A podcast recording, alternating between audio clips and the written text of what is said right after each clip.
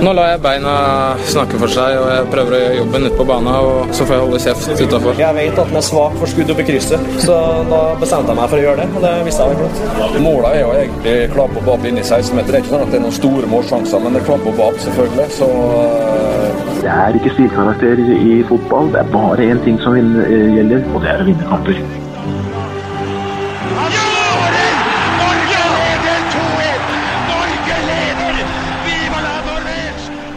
Og der Der er toppfotball tilbake i 2018. Endelig! Uh, vi klarer ikke å vente til uh, Eliteserien eller uh, Obos-ligaen, 2. divisjon, 3. divisjon, 4. divisjon, 5. divisjon, 6. divisjon, 7. divisjon, 8. divisjon 9, eller 9. divisjon er i gang. Vi må i gang nå. Velkommen, Lasse Mangstein. Takk for det, Martin Ropstad. Jeg syns det hadde vært blytungt hvis vi skulle venta til seriestart med å snakke om norsk fotball. Helt idiotisk. Det er mer enn nok å ta. Veldig mye. Ja. Uh, og i dag har vi en Vi har en, uh, en ganske tynn Det er første gang vi har hatt en kjøreplan på ett ark. Ja, men du har et voldsomt vedlegg. et, et meget sterkt vedlegg av, vedlegg. av ingen ringere enn fotballeksikonet Jørgen Kjernås. Velkommen. Takk for det. takk for det Godt å ha deg her. Godt å være her. Uh, du har sikkert klødd etter å snakke litt ball i, i jula. Ja, selvsagt har man det. Men dere har Men uh, altså, din far er jo Jeg husker ikke når vi podda sist om vi har snakket om, om at han har vendt hjem til, til Vålerenga. Stemmer det. Har det vært litt, uh, det vært litt Vålerenga-prat i, i, heimen i, i julefeiringa?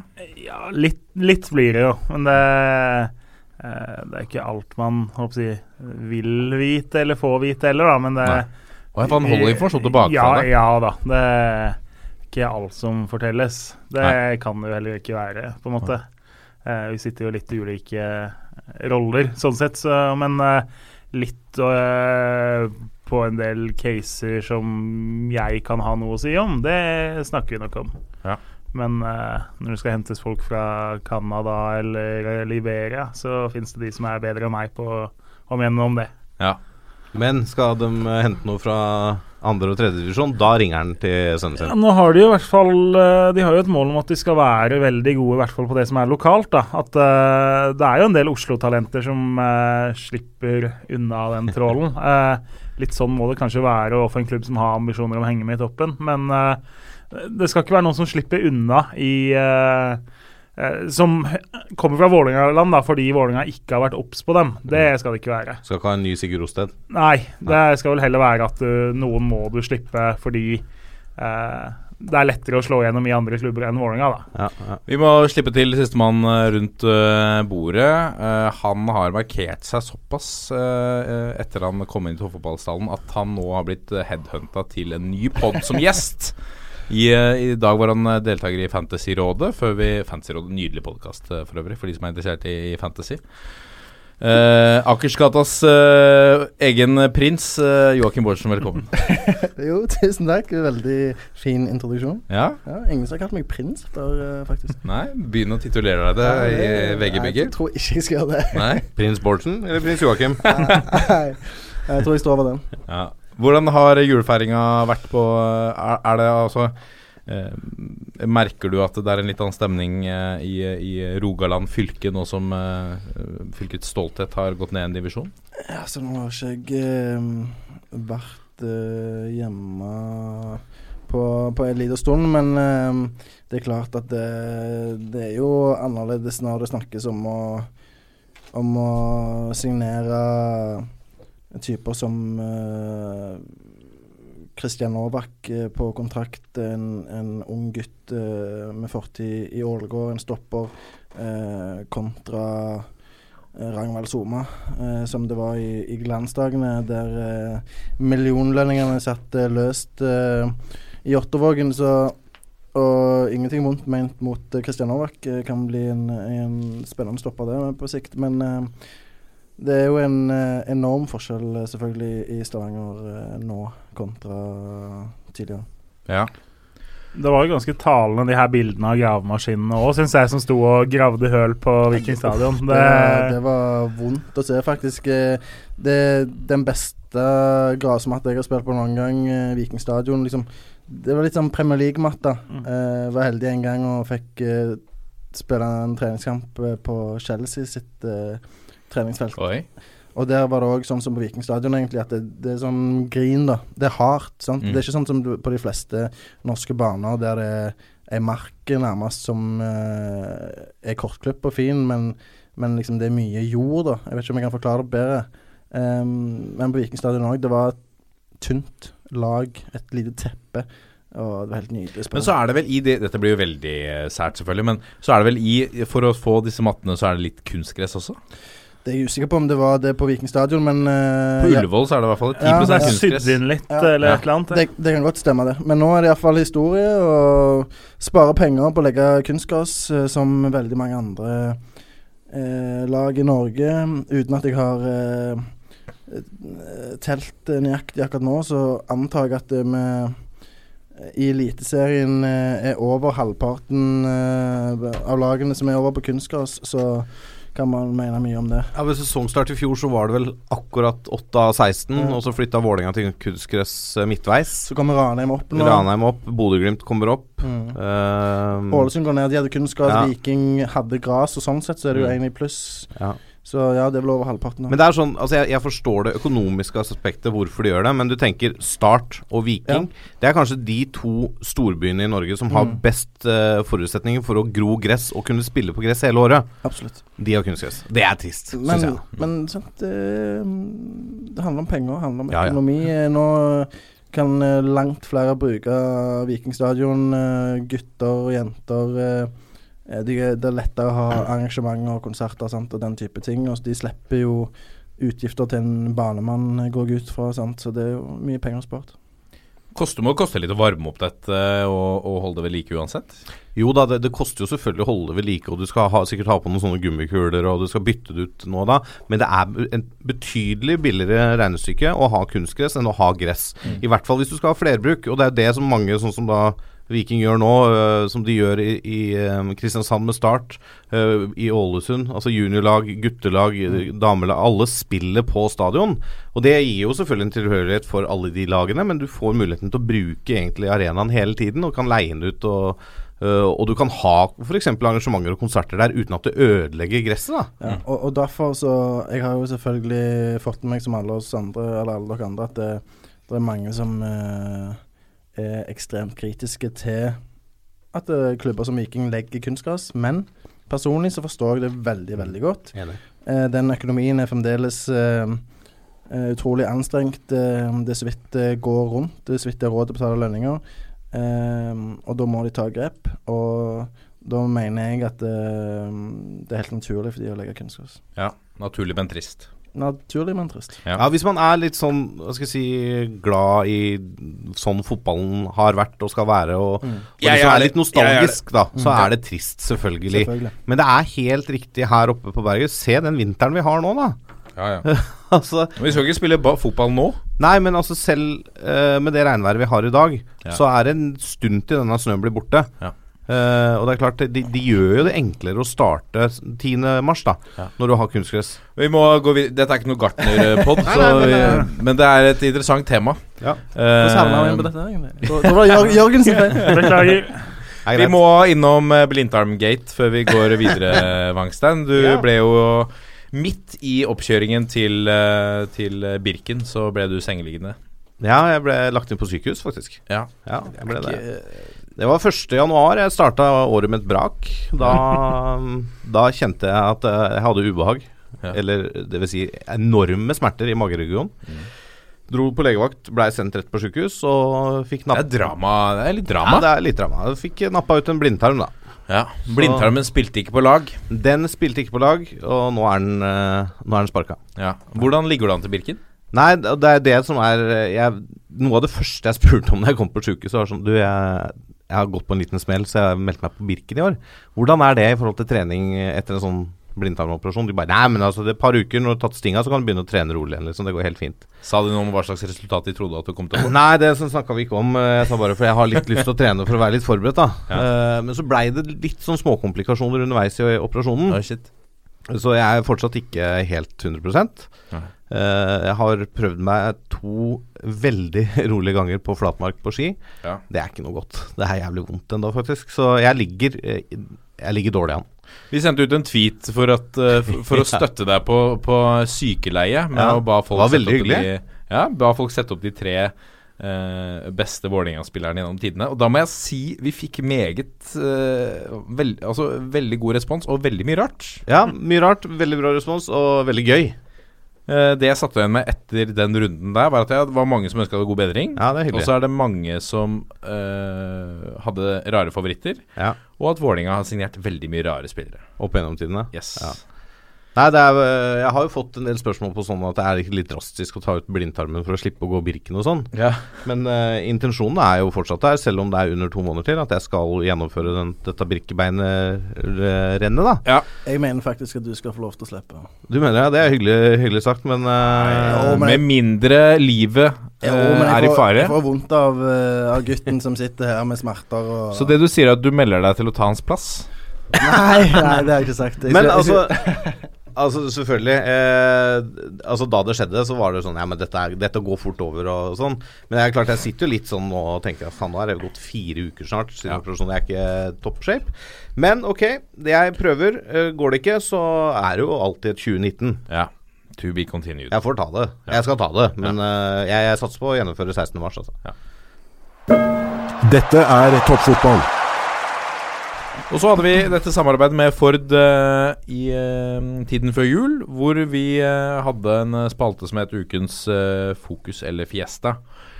Og ved å sende inn bidrag der, så vil vi plukke ut det at det beste bidraget vil få denne pakka, Ford-pakka, eh, som var en Ford paraply, en Ford Heritage-klokke, en Ford Performance-kopp og en bestepremie, må vi kunne si. Eh, denne fotballdrakta eh, Ford, med Ford foran og toppfotball på, på kassa. Eh, her var det et eh, bidrag som skilte seg eh, ut, som sto i en egen klasse. Eh, og det var fra vår trofaste lytter Kimare, som eh, kom med et eh, vanvittig bidrag til eh, det som ble vår ekstrasending i romjulen, Lasse, om fotballfamilier. Ja, det ble jo romjulspodden. Ja, det ble, jo, det ble jo nesten til en Det ble en egen Det ble episode. en egen episode basert på det bidraget. Ja. Og det, da syns jeg det er helt ryddig at eh, han eh, stikker av med hovedpremien. Absolutt. Det var på sin plass. Et eh, sterkt bidrag. Skal vi ha en applaus, eller? Vi må ha det. Men vi har jo to drakter. Så vi hadde én drakt. Vi har en drakt for mye. Altså, vi har denne pakka som går til eh, Som uh, går til Kimare. Og så uh, må vi, vi I siste episode så tok vi oss bryet med å hylle de som har bidratt kommet med bidrag generelt, på Twitter og mail osv. Og, så og der er det også en som har skilt seg ut litt i, i år. som har kommet med masse tips og tilbakemeldinger, og fremsnakket podden også. Eh, vår felles breddefotballvenn, eh, 30 understrek Christian. Eh, han, fortjener en, eh, han fortjener den eh, drakt nummer to. Enig. Ja, Veldig bra. Det er jeg helt enig i. Og jeg, jeg må si jeg fryder meg over Jeg aner jo ikke hvordan han ser ut. Jeg har aldri møtt han. Eh, men jeg må si jeg fryder meg over tanken om at han sitter Han sitter sikkert mye og diskuterer fotball med kompiser og sånn, eller kollegaer eller et eller annet, og se, ser for meg at han sitter og diskuterer fotball med den toppfotballdrakta på. Ja. Er eh, De må sende oss en melding eller mail med størrelse, så vi får trykka opp uh, riktig. Og så sender vi av gårde, eller? Ja, Uh, vi trenger ei adresse, da. I hvert fall en adresse. Ja, ja. Det, det er ofte greit Vi skal sende noe i posten. her. Toppfotball at eh, 451.no der, altså. Yes, det stemmer. Eller Facebook og Twitter. Nå kommer pulsen. Og da har vi kommet til pulsen, eh, og i pulsen dag har vi eh, Vi vier ikke så mye tid til pulsen i dag. Vi har én sak, eh, en one eh, case only, hvis det går an. Ja, en nyvinning. En, en nyvinning, ja. Ja. ja. Det må man si. ja, det Ja, men det er jo sp- Altså, det- den har høstet både lovord og litt sånn skepsis. Eh, Nations League. Eh, altså eh, Formålet er vel å, å få opp seriøsiteten til alle kampene som er utenom kvalifisering og, og sluttspill osv. for landslagene våre. Ja, Det erstatter jo uh, treningskampene, mm. uh, som gjør at det er mer å spille om. Tidligere så har det vært mye snakk om eh, Fifa-rankingen i forbindelse med treningskampene. At Norge har håndplukket motstandere, i hvert fall under Drillo, eh, som eh, Norge kunne slå eh, for deretter å avansere på Fifa-rankingen. Em, og, og Det har vi ikke vært så nøye på Nei, med nei, nei. etter Drillo. Iallfall ikke under Per-Mathias Høgmo, men for å kunne få bedre seeding i, inn, i, inn i kvaliker og sånn. Ja. Det er faktisk et poeng, da. Eh, all den tid Per-Mathias Høgmo fikk mye kritikk som landslagstrener, og mye av det var fortjent òg. Han plukka veldig mange vanskelige motstandere. Men hvorfor gjorde han det? Jo, for å øve seg mot de beste. Ja, for det er utviklende å spille mot de beste. Ja, men det vis, Hvis du har prøvd det tre ganger, så kanskje du kan prøve noe Jo, jo, annet. det er, jo- og det er kanskje der han gikk feil, Ja, Men da, han, han ville det, men det gikk jo utover Fifa-rankingen, og det betaler vi jo for den dag i dag. Ja, Og prøver han det samme. Han prøvde seg i treningskamp mot Sarpsborg også og gikk på en skrell der. Så han kjører samme taktikken. Nå møter du Selbakk i morgen, da, Fredrikstad, når vi spiller inn. Så det Ikke sant? Så han har lært. Ja, det er bra, Per-Mathias. Men Nations League, eh, gruppen til Norge, er trukket, eh, og den ble endret etter Ja. den var trukket, fordi at vi kan ikke ha eh, For å oversette til et folkelig eh, uttrykk, vi kan ikke ha for kalde land, kan ikke være i samme gruppe. Er for mange vinternasjoner. Ja. Eh, Så Norge ble jo egentlig dytta inn i gruppe to eh, sammen med Estland og Finland. Mm. Eh, Men siden da det allerede var et vinterland der i Finland, så Og eh, var det Est Og Estland og var Estland, vel- ja. ja. Så da ble det for mye. Så da ble vi dytta ned i gruppe tre, og så ble neste opp på volden satt i gruppe to. Ja. Eh, Så hvem er det vi bytta plass med? Hellas. Ja, ikke sant. Tror du de er glad eh, Altså Bulgaria, Kypros og Slovenia, tror du de er happy for at de fikk eh, Norge istedenfor Hellas? Det Det vil jeg tro, iallfall. Ja, det vil kanskje jeg tro også. Ja, det, det tenker jeg. Hva tenker du om denne gruppen, da? Nei, altså jeg tenker jo Når jeg ser gruppen til Norge, som det er Kypros, Bulgaria og Slovenia, så tenker jeg at uh, Kypros er et lag vi skal og bør slå både hjemme og borte. De har vært tøffe å møte Jo da, de gangene vi men har møtt dem. allikevel Og klart seg bra mot store nasjoner. ja. Men altså, hvis vi skal ha noe Altså, det, bare ta det først, da. Nations League er en ekstra mulighet for nasjoner å komme seg til EM utenom den, tradisjonelle kvalifiseringen. Hvis vi skal ha noe håp om å komme til den kvaliken mot de andre enelagene enerlagene i disse gruppene, ja. og spille semifinale og så finale og, og få en EM-plass, så må vi jo slå Kypros hjemme og borte. Ja, men kan du si det, ja, i hvert fall hjemme. kan du si det veldig fort til, ja, ja, ja. til de som hører på, som eventuelt ikke skjønner Nations League. Og vi har jo måttet eh, se litt nærmere på det sjøl òg, men at Norge spiller eh, et gruppespill med disse landene. Vinner vi den gruppa, så er vi sikra en playoff hvis vi ikke går videre fra den ordinære EM-kvalifiseringen, hvor topp to landslagene går eh, til EM i 2020. Ja. Så det er en ekstra sjanse. Kypros på en 92.-plass på Fifa-rankingen. Ja. Eh, Slovenia Jeg sier igjen på en 60, eh, 62. Jeg begynner resonnementet mitt på nytt. Jeg mener vi bør slå Kypros hjemme borte. Ja. Bulgaria bør vi også slå hjemme. Eh, den kan jo bli tøff nok borte, men eh, bør jo ha en U der i hvert fall. Og Slovenia er jo eh, i mine øyne gruppefavoritt. da. De har f.eks. en keeper i Jan Oblak som er verdensklasse. Han er kanskje jeg vet ikke, topp fem i verden på keeperplass om dagen, eller eh, topp ti i hvert fall. Mm. Han er enorm, eh, og det er et eh, solid lag. Eh, så, det, så nøkkelen ligger jo der, da. Å få resultat mot Slovenia. eh, og gjøre jobben i de andre kampene, mener jeg. Ja. De, eh, eh, de har levert noen eh, gode resultater i kvalifiseringen nå. Altså eh, eh, Jeg ser her at eh, Ja, de, eh, de slo jo Nederland eh, for så vidt det i, i kvalifiseringen. Nederland som jo ikke hadde en veldig god kvalifisering, selvfølgelig. Nei, men du har slått Nederland. Det er Slo Sverige. Ja. Uh, Tapte bare 1-0 mot eh, Frankrike, så det er ikke noe Det er ikke noe kasteball Bulgaria. Det er ikke det i det Ei heller Bulgaria, men, uh, men det er klart det, Dette er jo Ja, hva skal vi si eh, det, det jeg liker med det her, er akkurat det at vi får kamper som betyr noe. Ja. Istedenfor disse treningskampene hvor halve troppen melder forfall, Mm. og så spiller du neste serierunde. Så det Og ikke minst, det er jo gavepakke til oss uh, fotballfans Ja, for ja, å få kamper som betyr noe. Så lenge vi klarer å få opp det eh, engasjementet rundt det, da. At det faktisk betyr noe. Altså, ja. Men Fifa-rankingen spiller jo fortsatt en rolle her, så vi får også poeng for disse kampene Ja, da, men? Fifa-ranking er jo litt mindre vesentlig nå. Nå er det ikke de tre siste kvalikene som er mest å si når det skal settes opp grupper, mener jeg. Ja. Til neste, nå når vi skal inn i den ordinære EM-kvalifiseringa, så har Ja. det mer å si hvordan vi har gjort det i de Mm, siste kvalifiseringene. Ja. Uh, men uh, det er klart at det kommer jo ikke til å bli fullt på Ullevål. I hvert fall ikke før det virkelig liksom, før vi ligger an til noe å kunne vinne. Ja, men, det- eh, men det er jo litt kulere å møte Kypros og spille om tre poeng enn å møte Kypros, og så vet alle at kampen betyr absolutt null og niks. Ja, ja. Nå uh, betyr i hvert fall kampen litt, da. Også på sikt så kan det bety veldig mye, for det ligger jo tross alt en EM-billett og lurer i det fjerne der. Og så er, må vi jo være, være så ærlige at vi, vi trenger trening og spille kamper som betyr noe. Helt Vi spiller jo for lite kamper som betyr noe, for at vi sakker akterut uh, altfor tidlig. Men nå blir det nok ikke fullt i en avgjørende kamp, for Norge har jo da fått bortekamper i Ja, to siste. Ja. Fordi vi er et vinterland.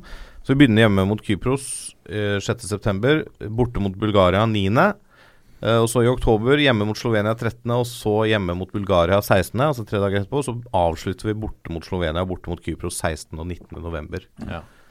Uh, Det går, eh, går unna da på to måneder. Ja da. Det er, tre, det, er, det er to kamper i september, i oktober og november. Så det er to kamper i hver Ja. måned.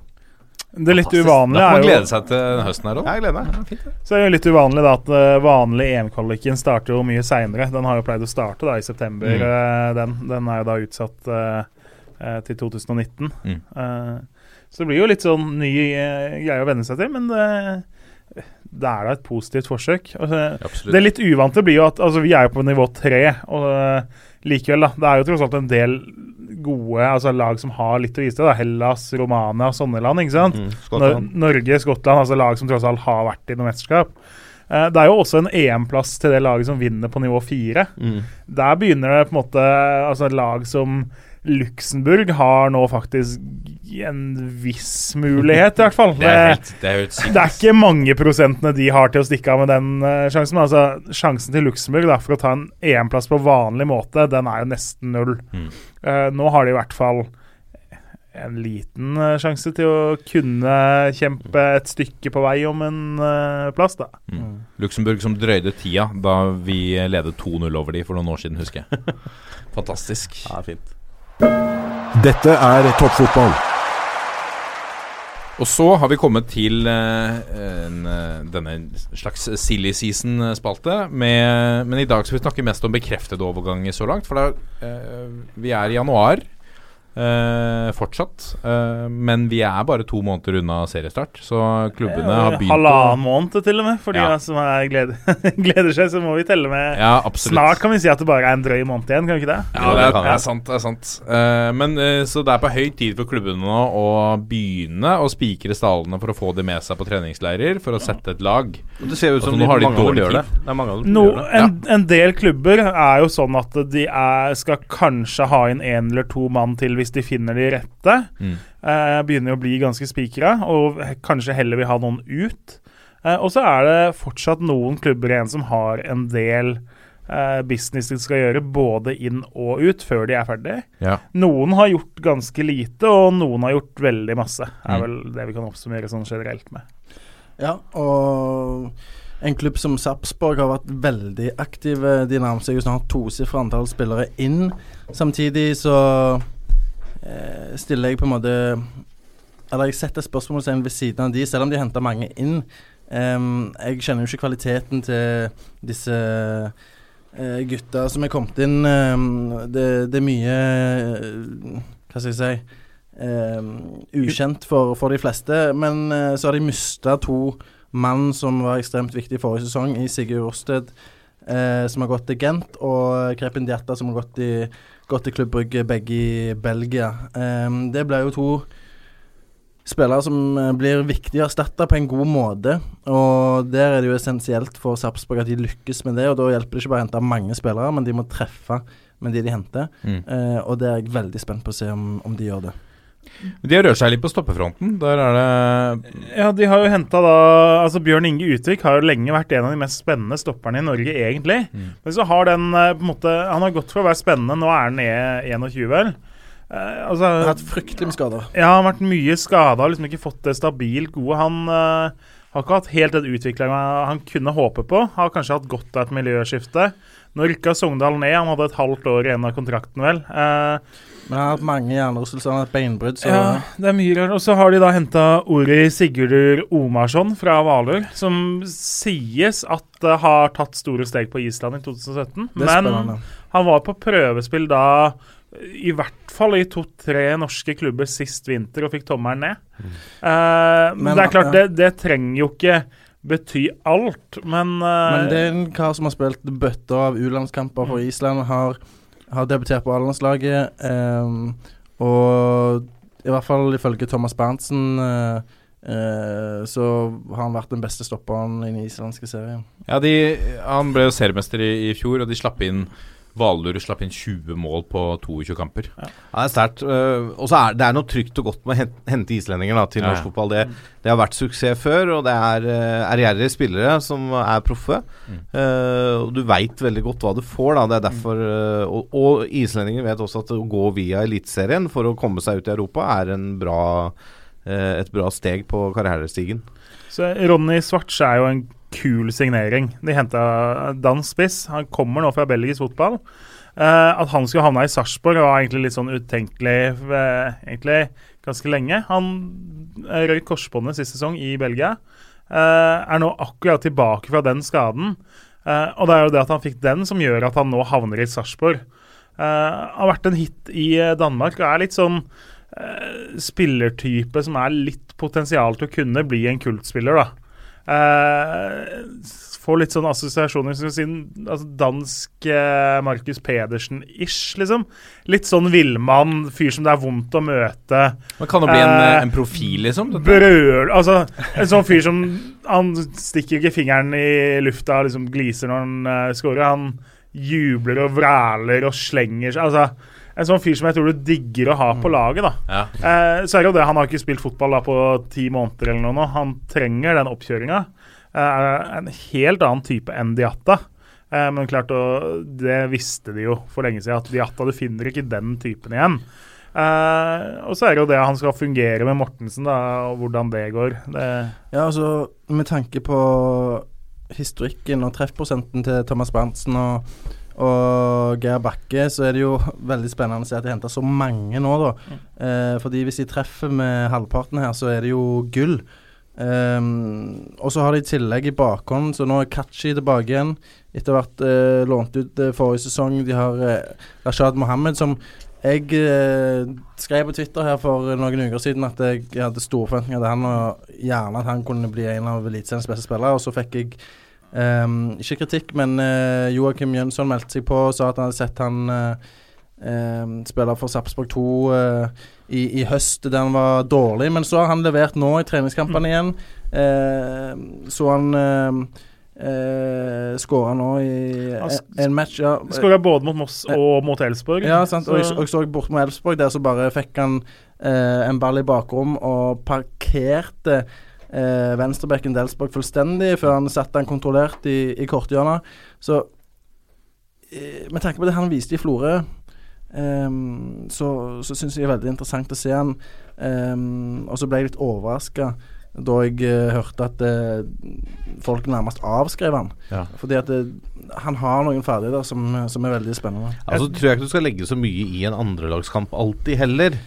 Nei. Eh, det er min mening, da. Ja. For det er ikke alltid at det klikker helt for alle å gjøre det. Og, og det, det er én kamp som Mm. baserer seg. Men eh, jeg er litt eh, enig med Joakim. Det, altså, den track recorden da, som de har i Sarpsborg nå på å hente spillere, det gjør at jeg er veldig spent og, og har trua på spillerne de henter. Jeg, jeg tror ikke de henter som fulle sjømenn. Jeg tror det er en tanke bak. Det, det er fornuftige, det er gjennomtenkt. De vet akkurat hva de vil ha. De vet hvilke spillertyper de vil ha. Og ja, det er ikke alle som hentes fra Norge og fra lavere divisjoner her heller. De henter fra utlandet, men likevel, jeg tror dette er fornuftige signeringer som kommer til å prege Sarpsborg på en positiv måte. Og du skal jo være meget forsiktig før du begynner å kritisere Sarpsborg på overganger. Det er litt vanskelig enda, ennå, i hvert på at fall. de er, Ja, eh, men- det er basert på at de er Også ukjente. Når vi snakker da om hvor de henter fra De har jo da henta Glesnes fra annen Eller han spilte litt førstedivisjon, men stort sett annendivisjon i bergensområdet. Henta Zakariassen, akkurat samme. Nå henter de da Gaute Wetti. som har vært i Branns junioravdeling, og som så gikk til Nest Sotra. Spilte ikke så mye der i andredivisjon uh, i fjor. Spilte rundt halvparten av kampene, vel. Eh, litt høy, litt sånn slepen type. Altså fint blikk, fin pasningsfot. Skårte mot Fredrikstad. Skårte da her på tirsdag. Altså, det blir veldig spennende å se, for han er litt sånn har gått eh, under radaren. Brann jenka vel litt på denne Mm. utdanningskompensasjonen sin for at han skulle få gå til Sarpsborg. Det, ja, eh, ja. det smerter litt i Brann, tror jeg. Hvis han lykkes i Sarpsborg, da er ikke det helt godt for Brann, altså. Jeg ser det var en liten morsom greie der. De henta Aslak eh, Falk eh, Ja, tidligere Vålerenga-keeperen. Ja, stemmer. Og kom nå sist fra Nordkjøping i, i Sverige. Men og Da tenker du gjerne at han er fra Oslo, eller noe sånt, men han er fra Hundvåg i, i Stavanger. Og, Ja. og det som er spesielt, er at det, jeg har spilt på lag med Aslak, og jeg har spilt på lag med Anders Kristiansen som er førstekeeper i, i eh, Sarpsborg. Og Anders er fra Roaldsøy, som er på en måte Liksom, hva skal jeg si eh, Vegg i vegg med, med Hundvåg. Og de to gutta der, sammen med Arild Østbø, som er i, i Rosenborg, eh, har vokst opp med å bli trent av far til Arild Østbø, som eh, eh, Kjetil eh, som, eh, som keepertrener, og veldig dyktig type. Samtidig som de har hatt en intern konkurranse mellom seg i alle år. Ehm, eh, opp gjennom i Vikings eh, junioravdeling.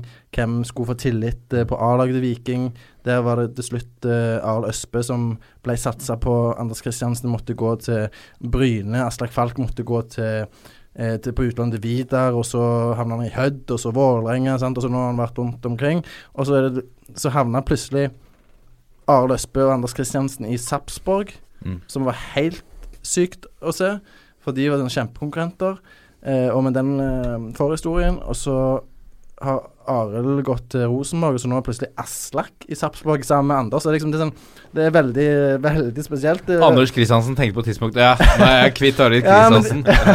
Nei, jeg er kvitt Arild Østbø, så kommer eh, pokker med Aslak Falk Jo, inn As døra. Aslak eh, gullmann, da. Han er, han er fantastisk type, så jeg skjønner Ja. godt at eh, Sarpsborg vil hente han en, en, en mann som eh, alltid gir alt på trening. Jeg har og- ikke hørt Det var en morsom kuriositet, syns jeg. ja, Jeg har ikke hørt noe negativt om Aslak Falk fra tida hans i Vålerenga. Han er liksom dønn seriøs. Han Ja. spilte jo de tolv første kampene i 15.-sesongen, for da var han øh, svensken som jeg akkurat har glemt navnet på. Sandberg. Sandberg er skada. Eh, Og så, så tok jo Sandberg den første keeperplassen som han var tiltenkt. Og så gikk han jo til Nord Nordkjøping. Han har ikke spilt der heller. Så han har, altså Aslak har jo ikke spilt fotball på halvannet år. Altså Og A-lagsfotball. Nei, han var nær en overgang til Lillestrøm òg, tror jeg, fra, fra Vålerenga. Det, Ja, ja. det kunne jo blitt litt eh, Det hadde vært spesielt. litt Men, eh, spenstig. Men, uh, Men, men ja, det ble Det er iallfall Anders er jo selvfølgelig Han hadde en veldig god sesong i, i Sarpsborg sist, og, og er i utgangspunktet førstevalg der, men det er interessant at de har havna sammen igjen. men apropos keepere, da. Da må jeg, har jeg lyst til å ta en tur øh, vestover. Ja, til Bergen. Til Bergen. Ja, for der har de jo ikke keeper. Jo, de har én. Ja. Markus Olsen Pettersen, 19-åringen som debuterte i Eliteserien i 2-2-kampen hjemme mot Tromsø i siste serierunde i fjor. Kan ikke han bare spille, da? Jo, det, det er jo det de må belage seg på nå, for det er eneste keeper i avstanden til Brann. For de har jo mista både Alex Horvath og eh, Pjotr Lesijevskij. Det Horvath er ikke så tungt å miste. tenker Nei da, men de, han spilte jo noen kamper i, Ja i fjor. Uh, så det, det, er litt, i hvert fall. det er litt tynt på keeperplass hvis ikke de har henta Hvis ikke Gilbert de har med da. seg keeperen til Fjøra. Jeg har vært med dem på treningsleir nå. Altså Fjøra som rykka ned fra tredje til fjerde divisjon. Ja, ok, riktig. Eh, han er vel fra bergensområdet, tror jeg, så han har vært i junioravdelinga der. Men altså, han skal da egentlig spille for en fjerdedivisjonsklubb eh, neste sesong. Det høres ut som han er med for at de skal ha to keepere på trening. Ja, det er, de har en som de veit er helt OK, altså som ikke driter seg ut der, og som er lokal og de ville si ja, da. Men Men moro at de tar med en lokal gutt, da. Ja. Det er det. Men jeg syns jo uh, Brann har kanskje gjort et av de mer spennende kjøpene i vinter, syns jeg. da For han Gilbert Comson, som er henta fra Sogndal, det er en spillertype jeg har veldig sans for. Bøtta inn med målpoeng Ja, han har vært eh, bra på assist-fronten og skåra litt mål. Mm. veldig veldig spennende spiller, som helt åpenbart mener jeg er god for Obos-ligaen. Ja.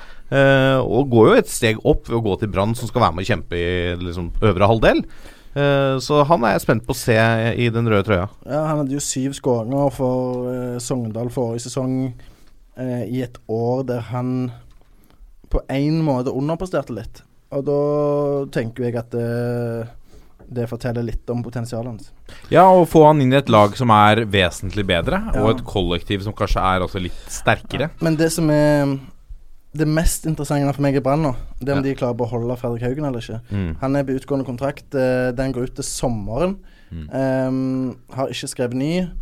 Det, jeg husker ikke hvor den eh, rapporten kom fra, men eh, i hvert fall lest at han herjer på branntreningene om dagen og, og besitter et nivå som, som ingen andre egentlig er i nærheten av. Og hvis det stemmer, så, så, så tenker jeg at eh, Lars Arne Nilsen og og brannledelsen eh, tenker at de må få signert han så fort som mulig. Og det er jo ikke bare han. Det er Kasper Skånes, en kontrakt som går ut etter sesongen. Vi bort. Sarpsborg har lagt inn mange bud på han. Start har lagt inn bud på han. Eh, Ruben Kristiansen, kontrakt som går ut om ett år, har lyst eh, til å flytte på seg. Eh, Gilly Rolandsson uh, har fortsatt kontrakt. Han også kan være på vei vekk. Så det er litt sånn Brann har mange mann som egentlig ikke har lyst til å være i Bergen. Men Hvorfor er det så mange som vil bort? da? Nei, altså Haugen er jo definitivt det mest kritiske. Han er jo en av Eliteseriens beste spillere. Ja, ja, og det er kanskje mest, altså, mest kreative. Ja, han, han Eh, kan jo ha signert ny kontrakt, kontrakt med ny klubb allerede i dag. Ja, da, han kan, men han har ikke, han har nok ikke det, altså. Ja, han men, har ikke, men eh, han kan. eh, der har de henta bosneren Amer uh, Ordagic, eh, som da på en måte er en slags Haugen-erstatter. da. Eh, de som har sett treningen, er ikke helt eh, overbevist om at eh, han nødvendigvis skal ta det steget fra dag én. Eh, I tillegg så mangler de jo en spiss, mener jeg. Nå har de fått tilbake Skålvik, da, som var god i førstedivisjon for Start. Mm. Veldig god, egentlig. Uh, han var god for Brann i førstedivisjon, men i Eliteserien har han ikke vist så mye, ikke fått så mange sjanser. Så har de jo mista Orlov, som gjorde en nyttig jobb. Eh, jeg tror nok at etter keeperplassen nå, så er det spissplass Brann sikter mot å gjøre noe interessant på. Ja, Eh, altså- ha noen som skal gå rett inn på laget. Ja, så har de jo forsøkt seg på Gjermund Aasen f.eks. uten å, å få han. Um, og det virker, jo, det virker jo som Haugen er tapt. Uh, hvis ikke Brann dunker til da med et uh, så lukrativt tilbud at uh, Haugen takker ja. Så selvfølgelig vil det være avgjørende hva tilbud Haugen har fra andre klubber. da hvis, han, hvis tida går nå og, og det ikke dukker opp noe veldig interessant, så kan det godt være at han tenker OK, da signerer jeg en ny eh, toårskontrakt gjerne med Brann. Og så, og så prøver jeg igjen neste overgangsvindu. Så kan, det kan like godt være at han blir solgt til sommeren for det, Ja. men at han signerer en ny kontrakt nå. Og så Da kan i hvert fall Brann få penger for han. Mm. Nå er han 25. Hvis han, Han, blir i Brann altså, De har ikke råd til å la han eh, også trene med reserven. De har ikke råd til, råd til å ikke bruke han hvis han Nei, nei, eh, nei, selvfølgelig Ja, ikke. men det må, det må skje noe der nå før sesongstart. Enten så må han gå, Mm. um, og da får de jo noen kroner for han. Mm. Ehm, eller så må han signere en ny kontrakt. Men det er, jeg er enig med Jørgen på spissplassen. for Med Orlov ut så har du da egentlig S- Lee Skålvik og uh, Torgeir Børven. Og Det er synd å si det, men Torgeir Børven har ikke vist noe som tilsier at han skal være den spissen som skyter de til ny medalje. Nei, han har ikke kommet tilbake igjen etter um, disse store hofteproblemene som han, uh, som han sleit med i, i Nederland. og det er jo synd, fordi vi husker hvordan han var i Odd. Mm. Da var han fantastisk god, en av Eliteseriens beste avsluttere. Ja, ja. Um, men det har bare ikke funka for han i Brann. Eh, så det er jo trist. Og så herja jo Steffen Lie Skålvik um, tidvis fra start, da. Eh, så um, om, om han Kanskje litt annen Altså. Hadde, hadde serien starta i morgen, så hadde jo Skålvik fått sjansen nå. mm. Uh, han, han kan jo få Altså Finner de ikke den riktige typen, så ka, tror jeg jo de går for Skålevik og Børven. Så har de jo Karabas å slenge innpå. Uh, Brann tror jeg er såpass kjølig at de henter ikke noe forhasta der, tror jeg. Men uh, det var jo ikke Altså Det brant jo litt på spissplass i eh, 2017 òg. Men det, det kan jo virke som det er litt overskudd av spisser i Vålerenga nå, da. Og det har jo gått spillere fra Vålerenga til Brann før, så kanskje de har lyst til å titte på Henrik Helsrud Hansen eller Fiti Masemi, da. Å, Vil du bli kvitt noen? ja, altså, da, Det begynner begynner å bli mye spisser, sier jeg. Ja. da tenker jeg Da må det være Kjelsrud Hansen i tilfelle som kan passe inn i Lars Arne Nilsens sin Ja. Ja. Eh, en, eh, en tung Det er litt Orlov over uh, Kjelsrud Hansen. Nja, Olav er jo litt mer sånn eh, Litt mer lettbeint uh, arbeidsmør, men Kjelsrud Johansen òg jobber jo, da. Den eh, egenskapen deler Men samtidig så er jo han eh, veldig sterk i boksen på hodet og, og sånn, så eh, Det var jo Mathias Williamson ble jo nevnt eh, eh, før han ble skada, og, og, og da han sleit en del benk i Rosenborg, at han kunne være en perfekt spiss for Brann. Um, Søderlund er nevnt. Søderlund er nevnt, ja. Mm. Um, så, så det blir uh, interessant å se. Hadde de fått Søderlund, så hadde det selvfølgelig vært helt enormt. Men da må de uh, trykke til litt på lønningen, tror jeg. Skal vi Beklager at jeg tar jobben din, Martin. Skal vi, Ja, er- siden vi snakker om lag som bør henge med i toppen, men som trenger spiss, skal vi hoppe til Molde, kanskje? Ja, Ja. For det er jo eh, eh, Molde har jo vært ganske kjedelig, vil jeg si, i vinter. da Molde pleier jo eh, Ser du på de siste ti åra, så har det ofte vært de det har vært mye oppmerksomhet rundt. Uh, de har henta Kristoffer Haugen da, fra Viking. Uh, med all respekt for han, det er ikke akkurat noe signering som skaper overskrifter eller får, selger sesongkort. Det er en stødig, helt grei norsk venstrevekk. Han tar jo over for Knut Olav Rønderød, som har lagt opp. Ja, uh, og så ellers da, så har de fått tilbake Etzas Hussein. Eh, så det er jo ganske null eh, stående der. Mm. Eh, men så er jo da Bjørn Bergman Sigurdarsson har dratt til Rostov i Russland. Mm. Og det er jo klart at når vi snakker om at Diatta er ute for Sarpsborg, så er jo nesten Sigurdarsson var nesten Altså han var jo viktigere for Molde Absolutt. enn det f.eks. Diatta var for Sarpsborg. Ja, altså, han, altså Bjørn Bergman Sigurdarsson er jo en klassespiller som er eh, Sannsynligvis var en av de absolutt beste spillerne i Eliteserien i fjor. Uh, så det kommer Molde til å merke hvis ikke de finner en bra erstatter. Men uh, det er på en måte stusser litt på med Haugen-signeringen, er jo det at i fjor så valgte jo Solskjær veldig ofte den derre 3-5-2 5-3-2-varianten, eh, hvor han da gjerne også brukte stoppere i hele rekka. Altså Ruben Gabrielsen spilte jo wingback. Mm.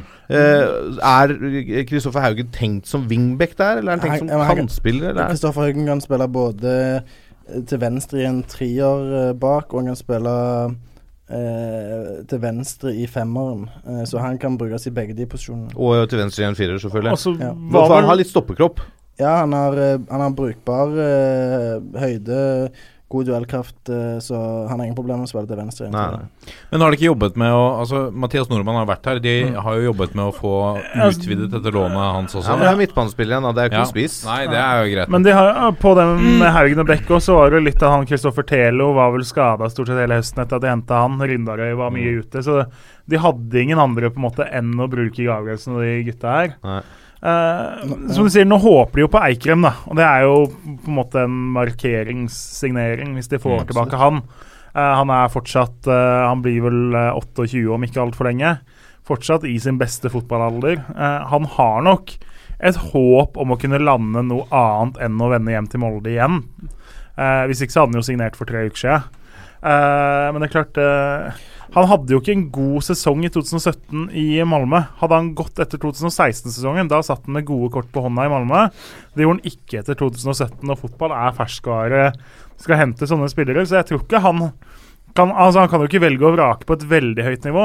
Så spørs det vil han til Belgia eller en middels klubb i Nederland istedenfor å dra hjem til Molde. Det Jeg, blir jeg tror Lund styrer mye, for han Ja. valgte jo da å sitte ut en treårskontrakt i, i Sverige pga. på grunn av skattereglene. Ja, og det som er interessant der, det er at eh, eh, ta en mann som Johan leder Bjørdal, da, som eh, nå nettopp ble klar for Sylte Vargem i, i Belgia. De ligger tredje sist i Belgia. Eh, kom på tredjeplass forrige sesong og har vært i Europa eh, to av de fire siste åra. Så sånn sett så er det en bra belgisk klubb. Jeg ser du måtte tenke hardt her nå, Ropperstad. Men, men det var mange som ønsket at han skulle komme til Viking i Obos-ligaen. Ja. Og lønningene i Viking er eh, Det har blitt presentert lister f.eks. For, uh, for eh, skatteår 2016 og som eh, en mann som eh, Som eh, Abdi ble jo gitt vekk til Vålerenga fordi han hadde 2,2 mill. i året, og ingen av de andre i Viking i nærheten av det. De fleste ligger godt under millionen, sant. Johan Lærde Bjørdal hadde 2,3 millioner i året i Rosenborg, Mm. og han tjener mer i Belgia, sant. Og da skjønner du at eh, de norske klubbene har tøff konkurranse fra eh, middels eh, belgiske klubber eh, som kan betale mer enn det eh, f.eks. Eh, Brann kunne gjort, enn det eh, sannsynligvis eh, Vålerenga kunne gjort sant? for f.eks. Erde Bjørdal. da. Eh, og da blir det òg tøft å, å signere en type som Eikrem hvis ikke han virkelig vil hjem. Det var jo snakk om, uh, apropos Leder Bjørdal, at han var på vei til Vålerenga før sesongen i fjor. Mm. Men at da Kåre Ingebrigtsen uh, slang igjen den døra rett før vinduet stengte, for da plutselig fikk han behov for den allikevel. Og det var vel litt fordi at han Rasmussen, som han heter, ikke funka helt optimalt med en gang. Og, og Leder Bjørdal fikk uh, mye kritikk, sånn som jeg opplevde det forrige sesong. Men jeg syns han er bra, og jeg syns han presterte godt. Eh, de matchene han spilte, veldig god bort mot Ajax f.eks. i Europa League. Mm. Eh, og jeg syns han er undervurdert. Skal vi hoppe til eh, hovedstaden og, og Vålerenga? Ja, det, det har jo skjedd litt uh, i Vålerenga. Vi har jo snakka om noe av det før. At både Christian Grindheim og Herman Stengel, altså sentral midtbane, har jo forsvunnet. Uh, Grindheim uh, fikk ikke ny kontrakt og har da gått til Haugesund, som jeg var forventa egentlig da han ikke fortsatte i Vålerenga. Nå prøvde Vålerenga å gi inn ny kontrakt fordi Herman Stengel eh, på en måte signerte denne kontrakten med Godset litt eh, sånn bak ryggen. Og der har jeg en eh, Jeg vet ikke om jeg skal kalle det en morsom eh, historie, men iallfall en historie.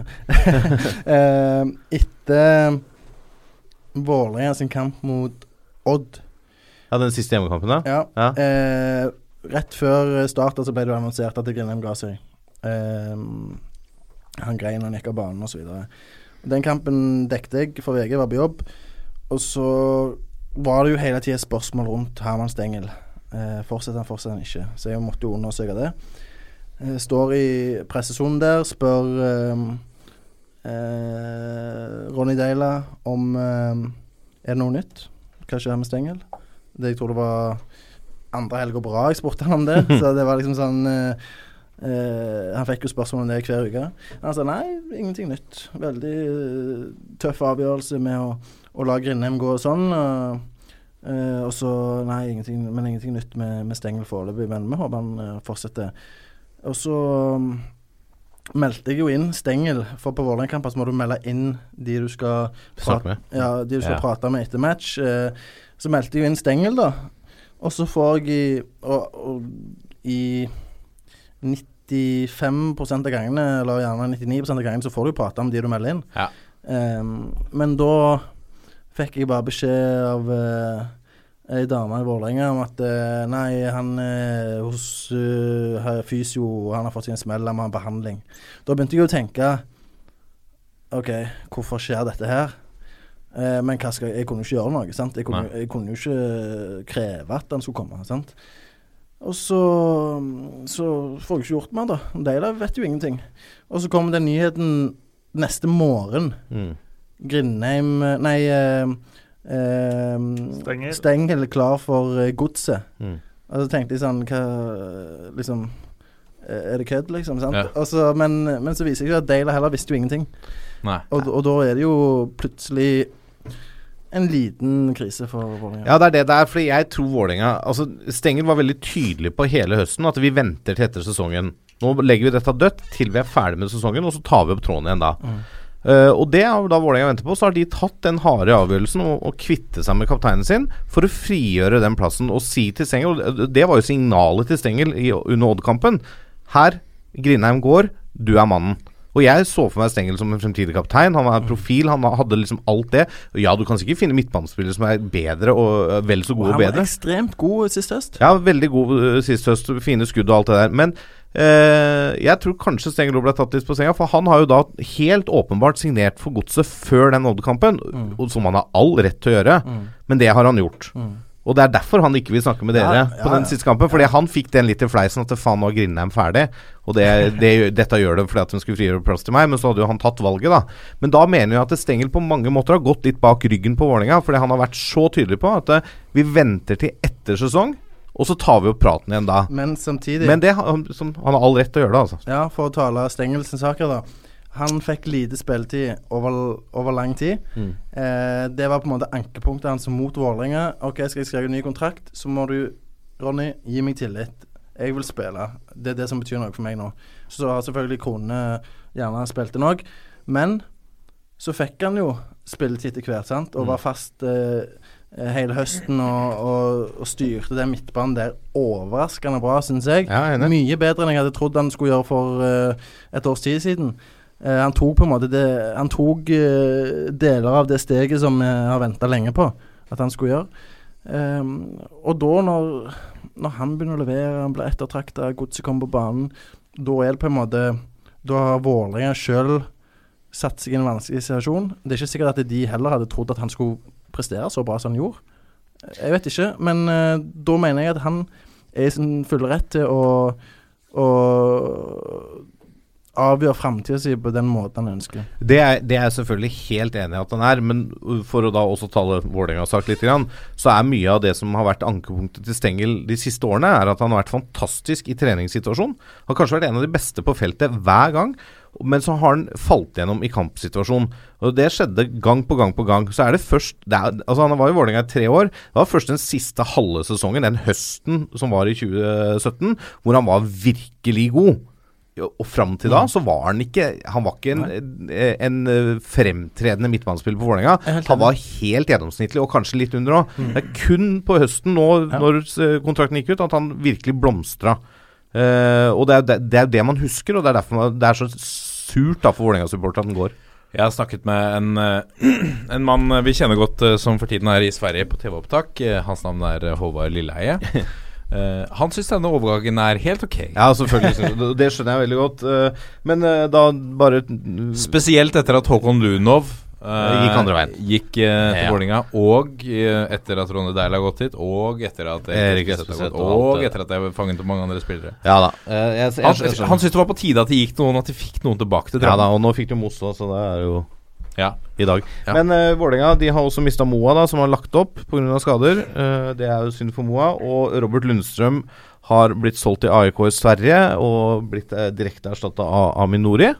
Det er vel en eh, decent eh, erstatning. Ja, altså, jeg syns det De veier greit opp. men det skal si Robert Lundstrøm hadde mye assist og målpoeng for Vålerenga. Jeg syns han var bra.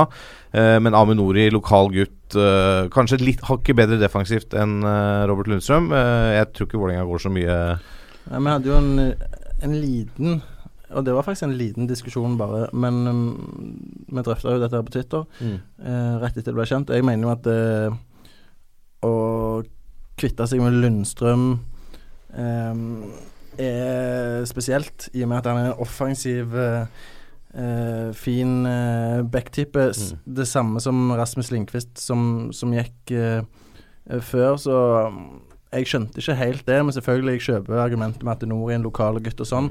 Men ehm, eh, jeg tenker ikke at det, Nord er automatisk en uh, forsterkning sammenlignet med, med Lundstrøm. Men det kan være at han beviser at jeg tar feil. Men så er det jo dette igjen med hva spillerne selv vil. da Og Både Lundstrøm og Lindqvist hadde et ekstremt sterkt ønske og behov om å komme seg til Stockholm og spille i Stockholm. Ja. Eh, altså Lindqvist var jo en spiller som uh, kunne være sjuk og skada i flere uker på rad. Og var, etter han kom til AIK, har han ikke vært skada eller syk en dag. Ikke sant Han har spilt alt. Det handler mye om uh, å trives òg, da. Ja. Det kan, og, kan og hende for Vålerengas del å få en, en lokal, uh, lokal Vålerenga-gutt Ja, inn på kunne laget. cashe inn litt for Lundstrøm, som hadde ett år igjen av kontrakten. Ja. Og så hente Amin gratis. Som er en av Norges hyggeligste fotballspillere. Ja, det må jeg også kunne si at Ja. han er, eh, helt klart. Uh, Vålerenga har også henta Filip Carvalho fra Malmö. Det er en spennende type. Ja, det er en spennende type. Det, det jeg har sett av han, er jo eh, Det er punch. Ja. Hvis vi Og hurtig. Hurtig, eh, bra på huet. eh, vært litt skada, kommer skada. Fikk debuten i dag, faktisk, mot Silkeborg. Spilte en omgang der. Mm. Så han er på gang. eh, men dette er en spiller jeg på en måte mm, har store forhåpninger til, selv om det bare er en ettårskontrakt. da det, Og det er kanskje litt rart eh, at du henter en sånn spiller, men det er klart, han har nok forhåpninger og eh, tanker om å spille på et høyere nivå. Ja, for han var jo veldig bra i Malmö, og så eh, kom, liksom, Så falt prestasjonene, så var han på utlån i Sverige, og så nå havna han i Havner han i Vålerenga.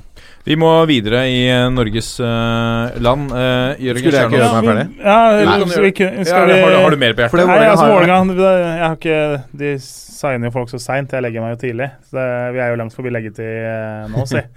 Eh, Sam Johnson og Sam, Sam. Ja, Adekube på fra svensk fotball og fra Kina, men vært i Sverige. Eh, så nå er det jo tre ganger Sam nesten i Vålerenga, hvis du sier Ja. Samuel Fridjonsson også. Så det sies jo at alle i Gøteborg heter Glenn. I Oslo så heter snart alle Sam.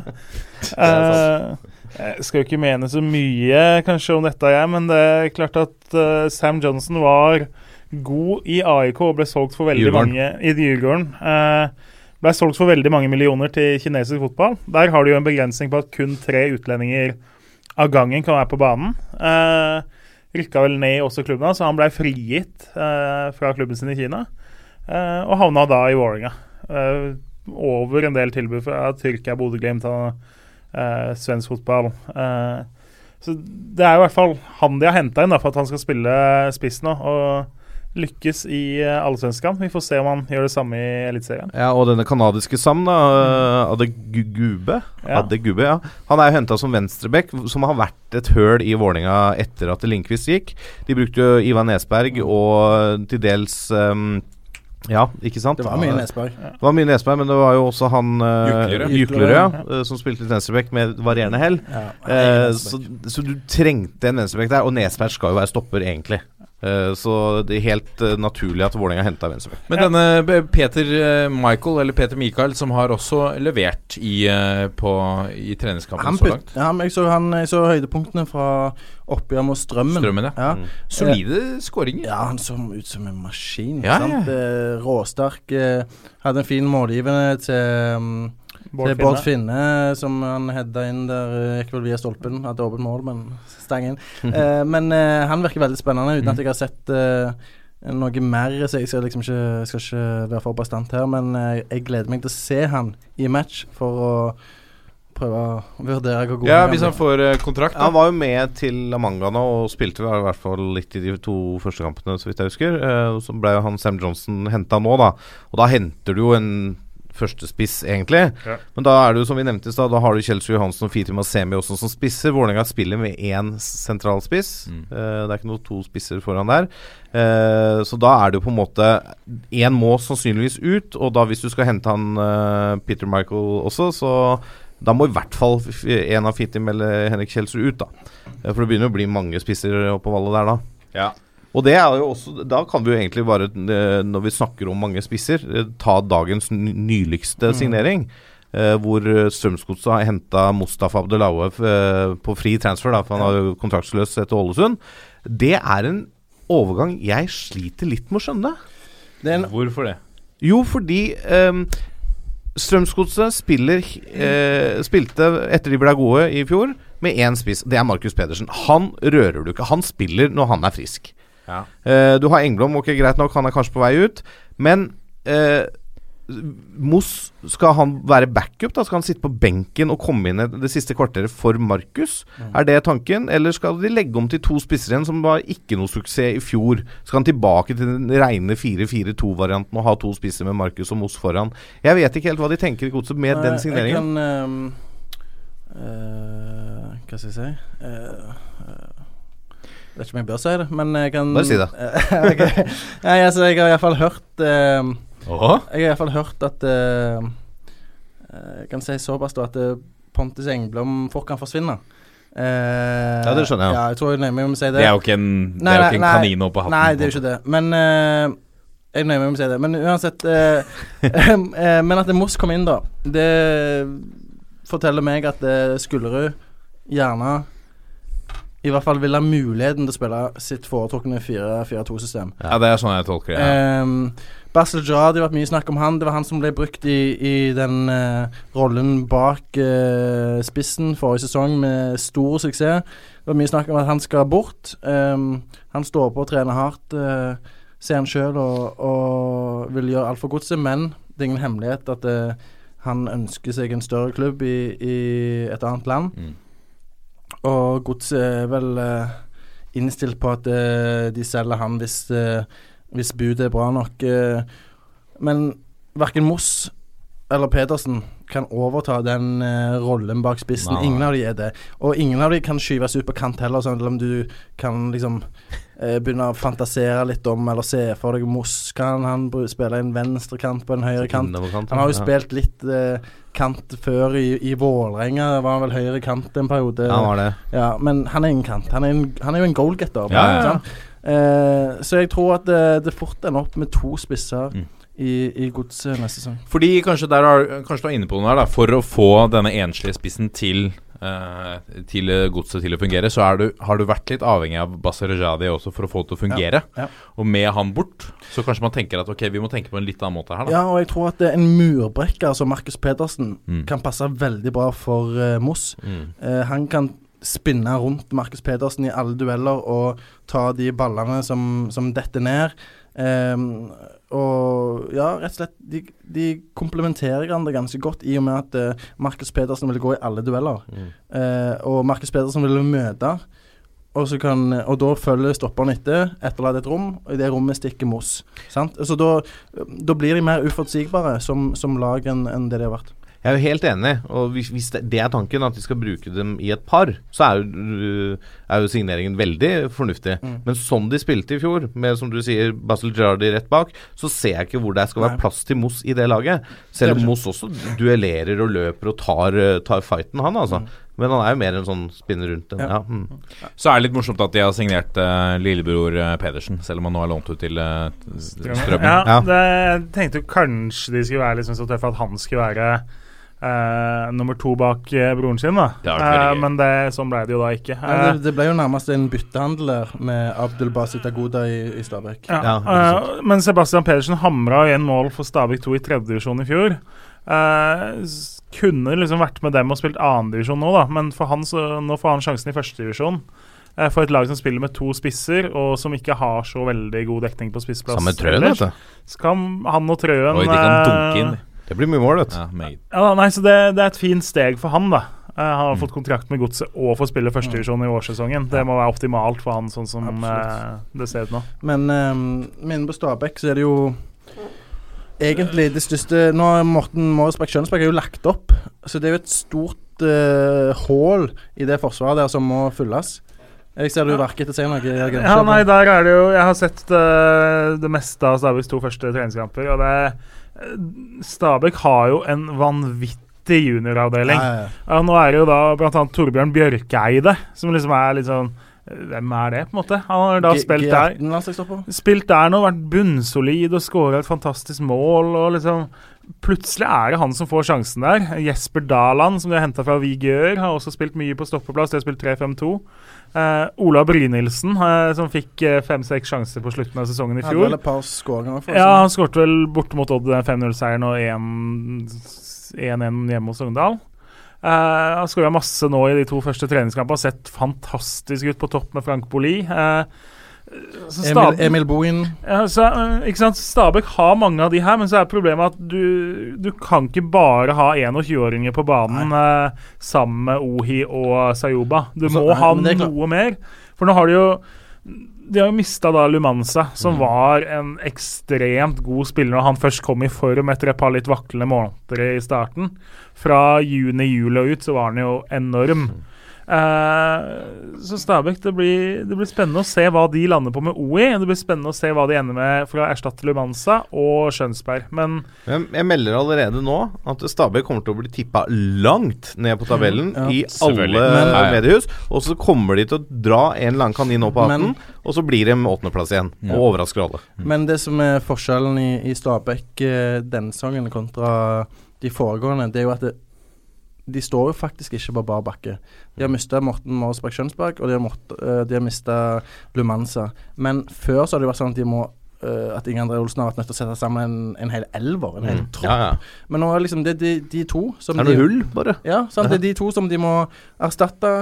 Um, så vidt jeg vet, så, så er det ikke noe på vei inn uh, i nærmeste framtid. Men de har jo muligheten nå til å, til å vente litt og, og se etter de rette typene her som kan gå inn og styrke det laget. For i og med at de har så mange gode unge spillere sånn, De har jo flust med disse 1999-modellene som, eh, er på G18-landslaget og, og aktuelle for det, eh, så må du jo gi de tillit. Noe som Sånn som jeg oppfatter Stabæk, eh, at eh, så er de gode til det. Sant? De har akademiet sitt eh, og sånn, og, og disse gutta trener med fast med A-laget.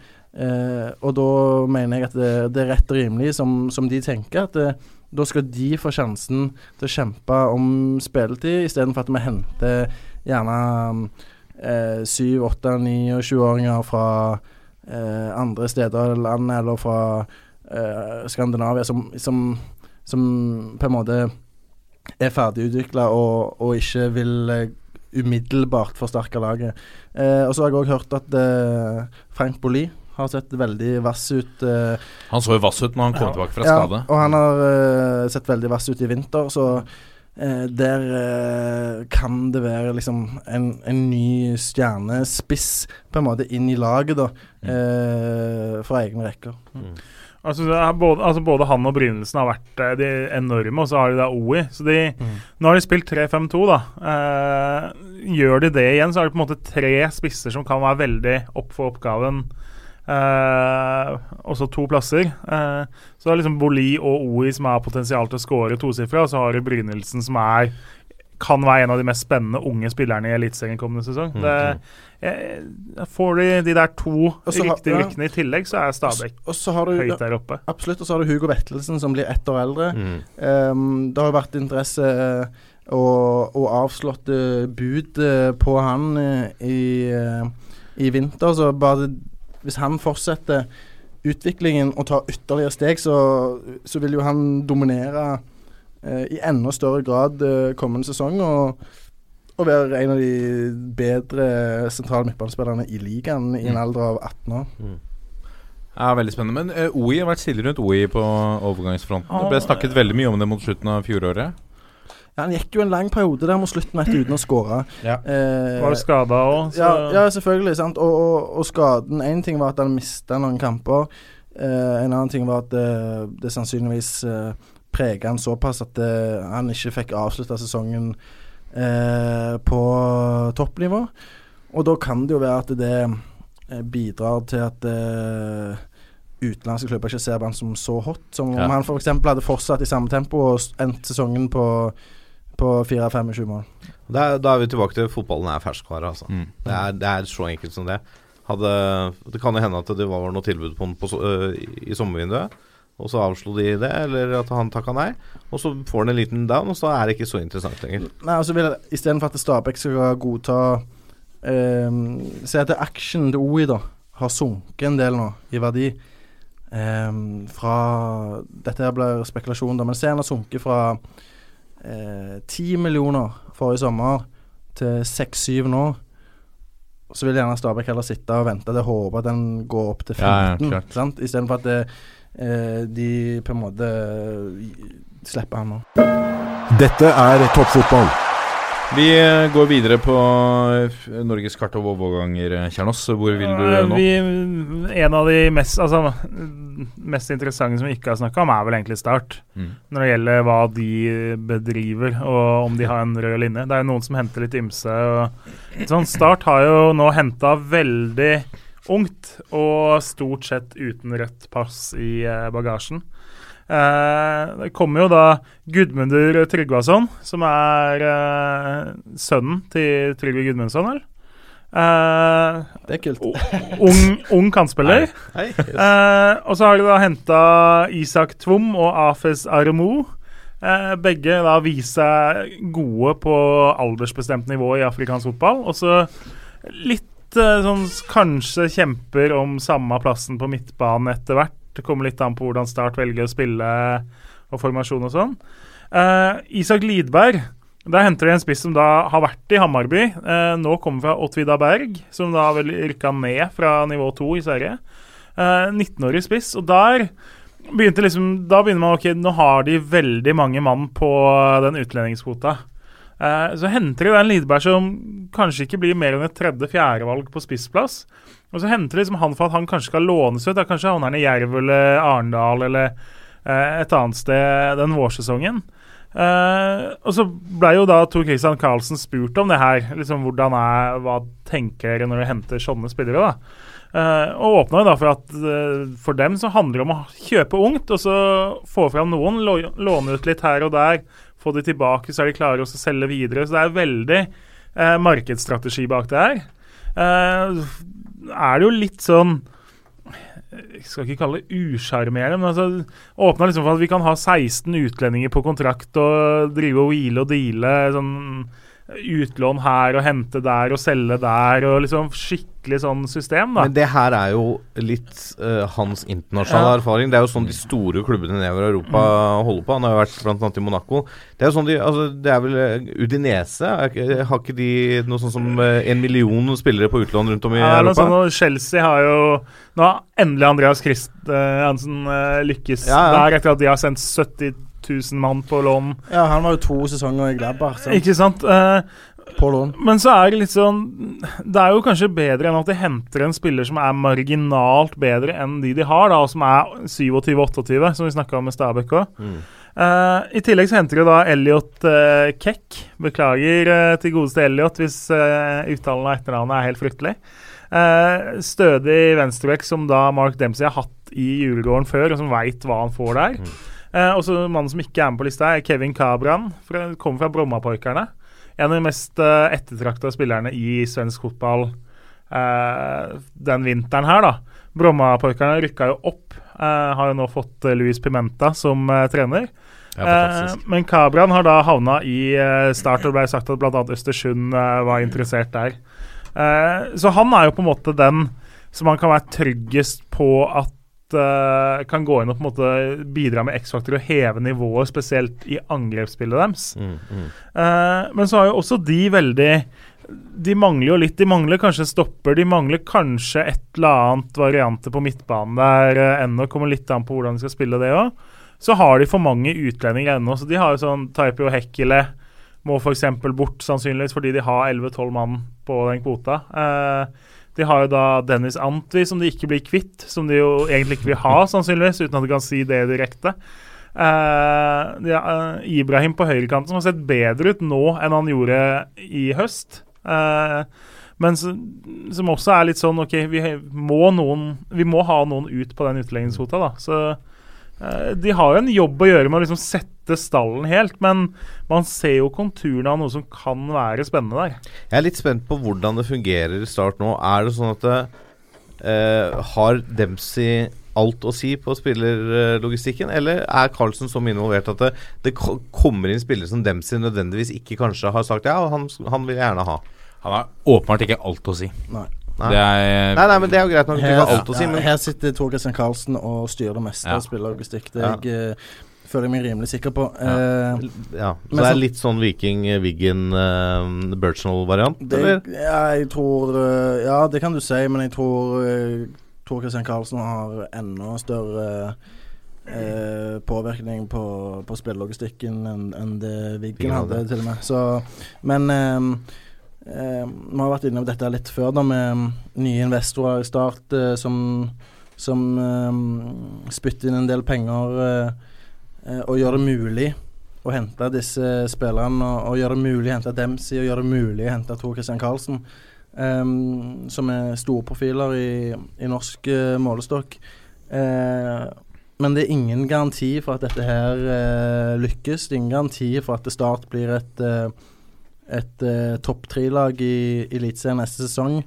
Ehm, Nei, der er de langt unna, syns Jeg jeg. er- fall nå, altså. ja, ja, ja, ja og, og, det, ja, det, og det neste jeg skulle si, det, og det vil nok de si at eh, eh, de ikke på en måte eh, forventer eller eh, kan garantere sjøl. De vil ta et nytt steg, etablere seg i, i eh, Eliteserien og så bygge videre på det, går jeg ut fra. Men eh, når du henter så mye nytt og gjør så store endringer både på ledersida og trenersida og eh, organisasjonsmessig, eh, så er det veldig mye som skal klaffe på en gang. Da, og da er de avhengig av at eh, eh, både spillerne i garderoben kommer overens, at det er god kjemi der. At det er god kjemi mellom spillergruppa Mark Dempsey, mellom Mark Dempsey og Tor Christian Karlsen. Eh, mellom Tor Christian Karlsen og, og Even Bransdal eh, og Kristoffer Langeland i, i Start en drøm AS. Liksom det, det er veldig mye her som skal klaffe, og det blir utrolig interessant å se hvordan det slår ut uh, på banen. Vi må rase videre. Vi har fortsatt eh, litt uh, å gå gjennom. La oss uh, ta for oss vår altså fjorårets seriemester, som vel kanskje ikke trenger å signere så mange nye, men Nei, nå, de signerte jo to Vi spiller jo inn onsdag kvelden nå. Eh, Seint tirsdag kveld så henta jo de eh, to unge forsvarsspillere. Eh, det er jo litt interessant med tanke på at Jørgen Skjelvik og Johan Lædre Bjørdal er ut. En serber og en danske. Yes, Malte Andersen. Det høres jo altså det, Du får ikke veldig mye mer dansk enn Malte. Da, da er du dansk minst 17 generasjoner tilbake i tid. Uh, spilt 60 kamper eller noe så for Køge i uh, førstedivisjon. Det er også en helt nydelig dans av Køge. Malte fra Køge. Det er omtalt som en komet. Ja, Og så har du da Besim Serbesic, eh, som har kommet inn på stoppeplass. Eh, ser ut som Brede Hangeland da han var 19 år. Altså Litt sånn hengslete. Har ikke helt kontroll over kroppen sin, ser ut som på eh, disse YouTube-videoene. Men eh, typisk sånn old school stopper, da, beskrives eh, som. Uh, og så har de jo Nå står det stille på navn her, men de har jo han her uh, nigerianeren Rasmus, som de har hatt på prøve en del ganger nå, som de vel sannsynligvis signerer når han blir 18 år nå, om ikke altfor lenge. Mm. Eh, da har de da endt opp med å hente en 18-åring og to 19-åringer eh, i forsvarsrekka. Og så har du da Bjørdal og Skjelvik ut. Eh, Ja. Så det vil jo si at du står jo igjen med da Reginiussen og så tre veldig unge andre stoppere da, i den stallen. Rasmussen, ja. Ja. Men, Eh, men det, det du må tenke litt på når du tenker Rosenborg overgangs, øh, overgangsvinduer øh, For der mener jeg Rosenborg er eksepsjonelt gode. Du må se litt på hva de gjorde i forrige vindu. Da henta de Adegbendro og Anders Tronsen. Som da har fått et halvt år på å spille seg inn i Rosenborg-stilen. Så de er nesten å regne som nye spillere nå. Eh, Og det, det har de gjort mange ganger. De gjorde det med Konradsen, det har de gjort mange ganger før. Og det snakkes om at Tronsen nå kan brukes som en stopperalternativ. ja, I hvert fall Lundemo. De Nei, Lundemo mener jeg. Sorry. Ja, sorry Uh, og det frigjør jo en plass i midtbanen til Tronsen. Uh, så så de, Tronsen kommer til å spille mer. Uh, Adegbenro spiller jo selvfølgelig. Men det, liksom, du må ta med det beregningen når du ser på Rosenborg.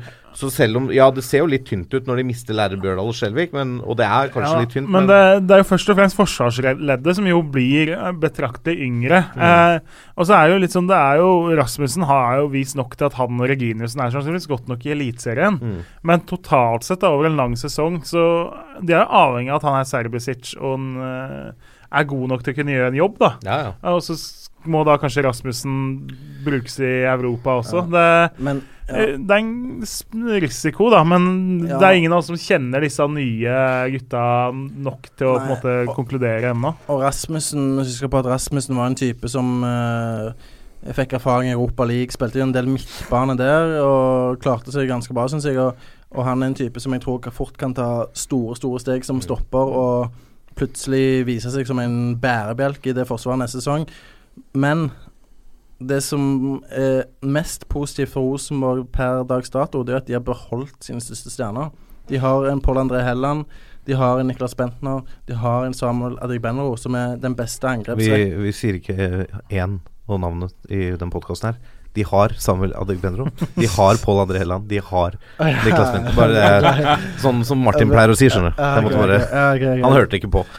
ja, det, men, men uansett, og det er den beste angrepstrioen som, eh, som er i Eliteserien, og de kan eh, Med en oppkjøring her nå, så kan de herje noe voldsomt Ja. denne våren. Og jeg tror ikke Bentner går nå, for dette, Nei, han skal nå spille for å komme seg til mesterskapet, ikke sant. Uh, han skal spille fast på Rosenborg, for da har han den Ja. plassen i stallen til Åge Hareide.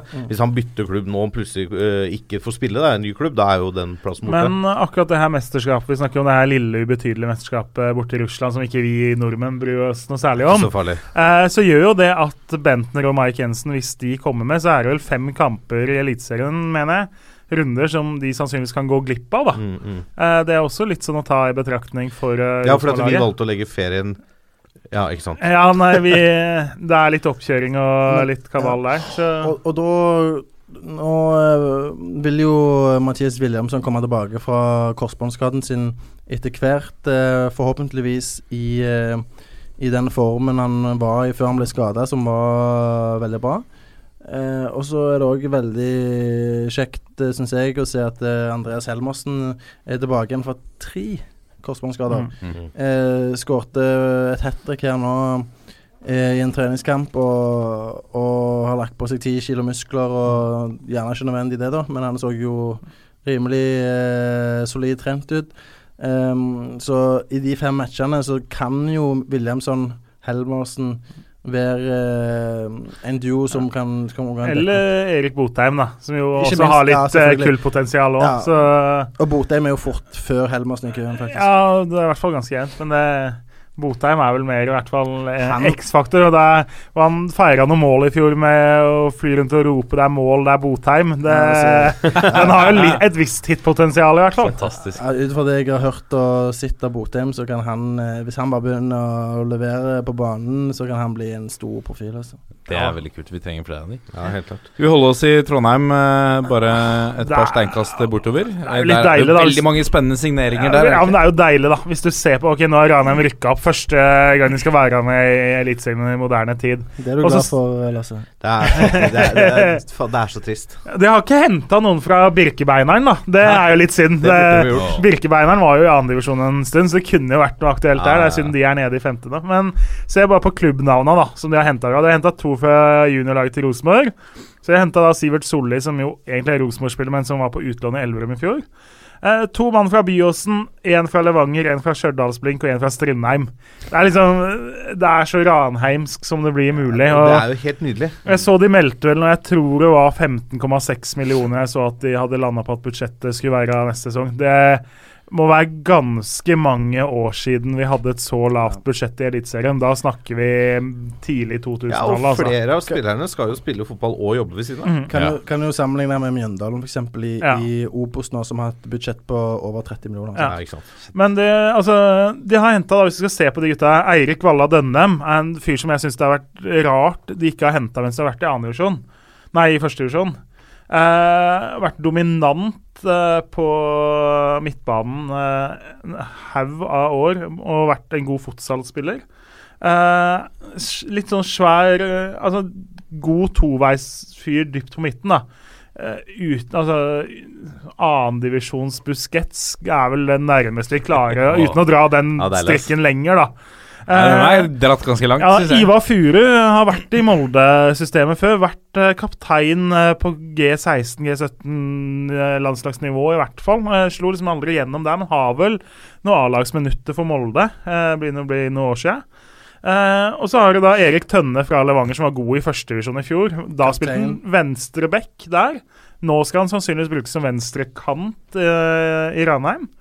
Eh, og så har du da Sivert Solli, som er indreløper, kantspillertype. Uh, uh, I tillegg til da Marius Augdal fra Blink og Joakim Olufsen, som også er kant fra Strømheim. Men der tenker de også litt at vi rykker sannsynligvis ned og må tenke litt mot 2019 eh, også. Så både på de og på de to unggutta fra Det blir ikke noe veddemål på om Rana Brikker ned eller ikke. Var sånn, Hvis dere lurte. Men det er interessant når du snakker om at uh, Du nevnte Bårdsen, at i, i Viking så er det, det er blitt en annen lyd med tanke på det er eh, en annen type signeringer. Uh, I Ranheim så virker det som at de forbereder seg til Eliteserien på akkurat samme måte som de ville gjort om de hadde spilt i Obos. Ja, det her er jo egentlig samme navna de hadde henta som om det ikke hadde blitt opprykk. Ja. Sannsynligvis, altså Det er ikke alle de hadde fått. da Tønne hadde du kanskje ikke fått tak i, f.eks. Uh, men ellers er det liksom de samme mann, folka de hadde gått etter. Men, men jeg liker det, for at det, det er no, altså de, de, de beholder den der profilen. De har vel da bare bortsett Det er vel bare Reginiussen da, som er eh, fra Alta. Som ikke er trønder Men- i stallen. men- det er helt nydelig. Men dette er jo gutter som de henter Eller får hente fordi at de har lyst til å spille Eliteserien. Mm. Eh, og det går jo på lønninger. De har ikke råd til å betale folk eh, 40 000-50 000 i Ja. måneden. sant? Som er en beskjeden eliteserielønn, men allikevel, det har ikke Ranheim råd til. Og da forsterker de med disse gutta her, som, som eh, sikkert mange av de kunne spilt gratis. Bare for å få sjansen i Eliteserien. Og så er det jo litt sånn, da. De viser jo det. De hadde jo mulighet Gjermund Aasen ville jo hjem. Mm. Eh, da hadde vel litt muligheter til å få litt sponsormidler. Altså få litt eh, Han kunne få en bedre lønn enn resten hadde de på en måte noe eh, potensielle bidragsytere til. For han ville liksom ikke helt bli deltidsspiller igjen. Eh, da takka de vel egentlig nei til den muligheten.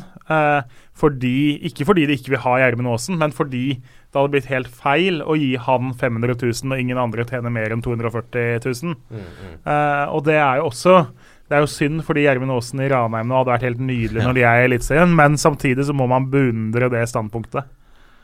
Men det som jeg uh, syns blir nydelig å se, det er når Christian Eggen Rismark leder sannsynligvis uh, Ranheim-laget ut uh, på Lerkendal en gang i løpet av sesongen som barnebarn til Nils Sandeggen, Ja. Det blir uh, veldig Det er nydelig.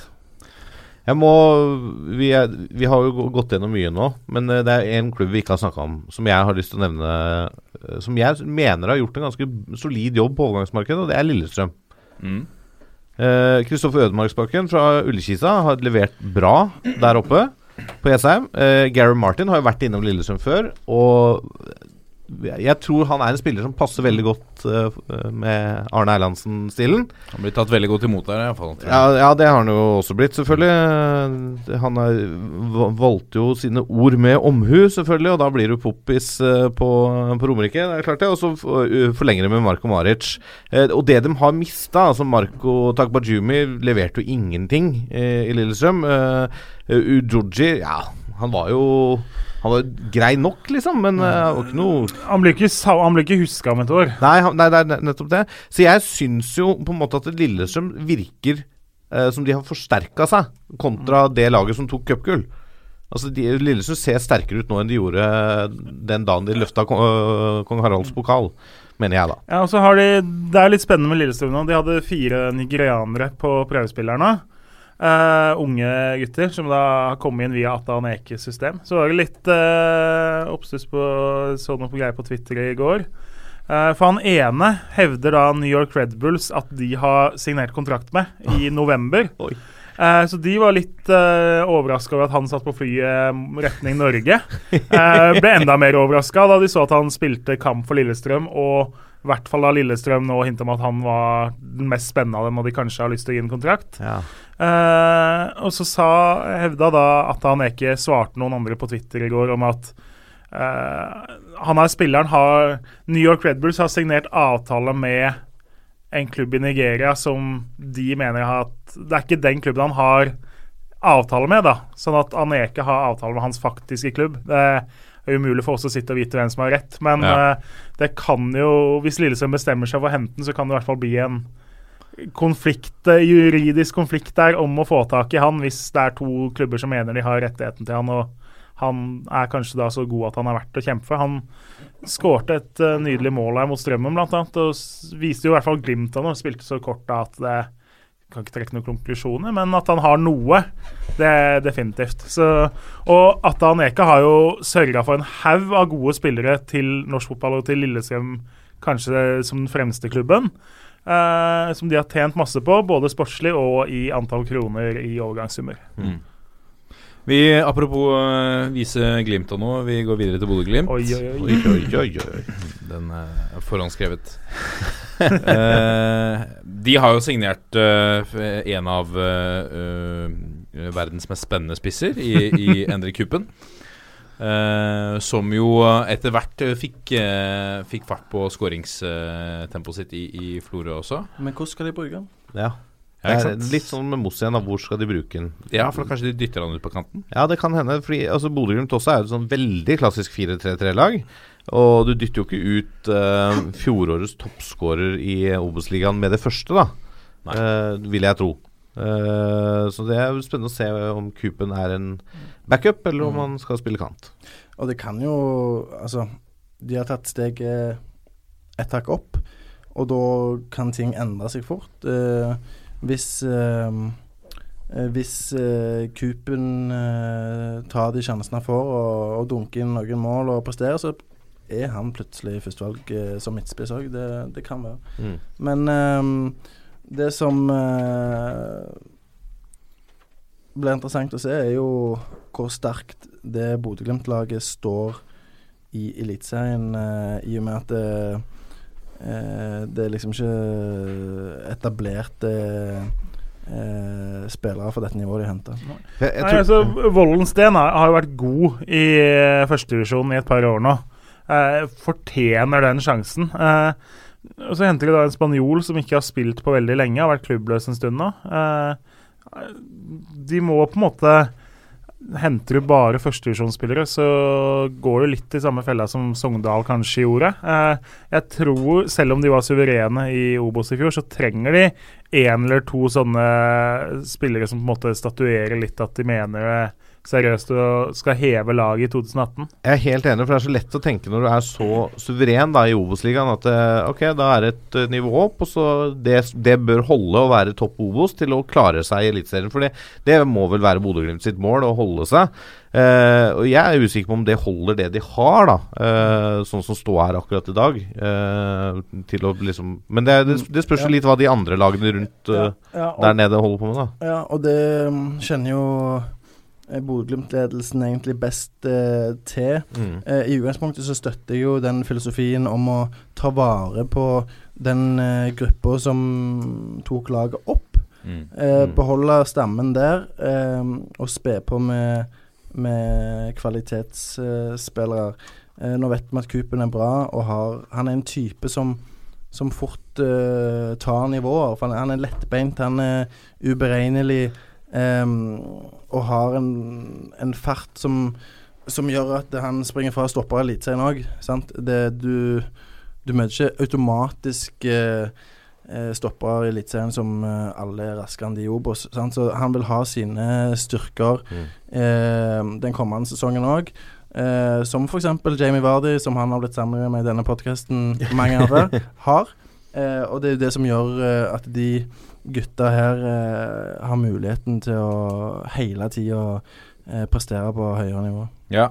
La oss holde oss eh, der oppe i nord eh, og ta for oss eh, Tromsø, som har hentet eh, Endelig så har eh, Tom Høgli kommet hjem. Eh, denne overgangen var jo klar eh, for en stund tilbake, men nå er han altså eh, klar for, for Tromsø. En av Norges eh, ja, gjerne jeg skulle sagt fotball-Norges, men jeg kan like så godt si Norges eh, hyggeligste menn. Ja. ja, det er en eh, Nydelig fin type. Jeg, jeg liker alltid å minne folk på at eh, første gang han ble tatt ut på landslaget, så valgte han å bruke fritiden på å gå på omvisning på Stortinget. Ja, sant, men det forteller jo litt om han, da. Ja, ja, han Fantastisk. har litt eh, andre interesser enn å sitte på hotellrommet og spille PlayStation. Mm. Uh, uten, et, eh, eh, uten å melde et vondt ord om det. Uten, å, uten å melde et vondt ord om PlayStation. Ja, det er riktig. Det er riktig. Men Eh, Xbox er det på. ja, det er ikke noe til overs for. Uh, Fredrik Michaelsen er henta fra Fjølnir. Ja, tilbake etter å ha vært utenland. det. Yes. Ellers er det vel mest spennende de har gjort, å faktisk resignere med spillere. Ja. Aasen ble etter litt om og men. Det er jo en, Eh, nesten Christian Landu. Landu så ut til å havne i Viking, og var vel litt uh, Men eh, ombestemt seg, havna tilbake. Eh, Moshaga Bakenga skrev ny kontrakt. Hans Nordby etter mye om og men skrev ny kontrakt. Så mange som så ut på, til å være på vei vekk, de har blitt. eneste, som, som jeg ser det, er Ulrik Yttergård Jensen, Ja. som eh, kommer til å bli et eh, savn. Han er en, en eh, bra eliteseriespiller. Så de, de må jo ha en stopper, i hvert fall nå hvis de skal fortsette å spille med tre stoppere, og han er ute. Så eh, jeg blir overraska hvis ikke Tromsø henter en midtstopper i løpet av de neste 30 dagene. Men er det Simo Valakari som har eh, klart å snu disse gutta? For alt tydet jo Ja. på at det var ingen her i dette rommet, tror jeg, som eh, trodde at Gjermund Aasen f.eks. kom til å bli på Alfheim. Nei, altså ja, ja. Ja, sånn som jeg forstår det, så var gutta oppe i nord der litt skeptiske når de så Valakari komme inn med sånn så, Jeg vet ikke om dere sier det her, men vi ser iallfall det i Stavanger. Bling-bling eh, i, i ørene og eh, sånn, sånn diamanter og, og sånn. Og en veldig spesiell type sånn sett, eh, men eh, det er kult at han står for eh, den han er, da. Og hvis han vil ha diamanter i ørene, så, så har han det. og han kom jo på jobbintervju òg med, med Tromsø-ledelsen, så kom han med diamanter i ørene. Og jeg har sett at det, Eller hørt at de ble automatisk litt skeptiske. Ja. Men eh, han overbeviste de og, og fikk kontrakt, og har jo uh, gjort det fantastisk i ettertid. Uh, la jo om formasjonen og, og fikk med seg uh, Morten Gams Pedersen og Simen Wamberg og Gjermund Aasen og Bakenga og sånn. Og det, det er jo en grunn til at uh, de uh, forlenger kontraktene sine, de som, som hadde muligheten til å gå andre steder. De har tro på prosjektet, med andre ord. Ja. Eh, til Vestfold. Sandefjord har eh, eh, ikke solgt, men kvittet seg med ikke kvittet seg for så vidt heller. Lars Bohinen har forsvunnet. Ja, han eh, følte vel at Prosjekt Sandefjord kanskje var tatt så langt som det var mulig å ta Prosjekt Sandefjord. Eh, kan dra fra Vestfold med hevet hode. Og eh, gjorde jo egentlig sånn karrieremessig et smart valg. da. Nå er Ålesund på et bunnivå de ikke har vært på på uh, over ti år. Eh, har jo et potensial til å komme rett opp igjen og kan jo på en måte bygge videre på ryktet og sine prestasjoner der. Sandefjord ser jo litt tynne ut, syns jeg. jeg synes, altså, de fikk de mye ut av mannskapet i fjor. Til slutt så ble det jo ikke så altfor mange poeng ned til kvalik, men de lå jo egentlig ganske trygt en god stund. Uh, mista begge gutta fra Uruguay. Mista forholdet til Terje Liverød i samme slengen. Det. Det mest Oi, oi. interessante i uh, Sandefjord i vinter har jo vært egentlig litt både saklig og usaklig kasting av påstander fram og tilbake mellom Liverød og Sandefjord. Altså, det er vel bare Vi pleier jo av og til å selge inn andre podder her. Det er vel bare å høre på den SF-podden ja, hvor Terje. Liverød er eh, gjest. Absolutt. Den, den er spenstig. ja, jeg, eh, jeg, fyrer en salve både hit og dit. ja, jeg prata med, med Terje Liverød. Jeg skal finne den saken her. eh, eh, Liverød bor inn i krangel eh, etter Sandefjord-undersøkelse. Denne Sandefjord-undersøkelsen var det jo Stemmer. Liverød som sto for. Eh, denne her ble da skrevet i begynnelsen av desember.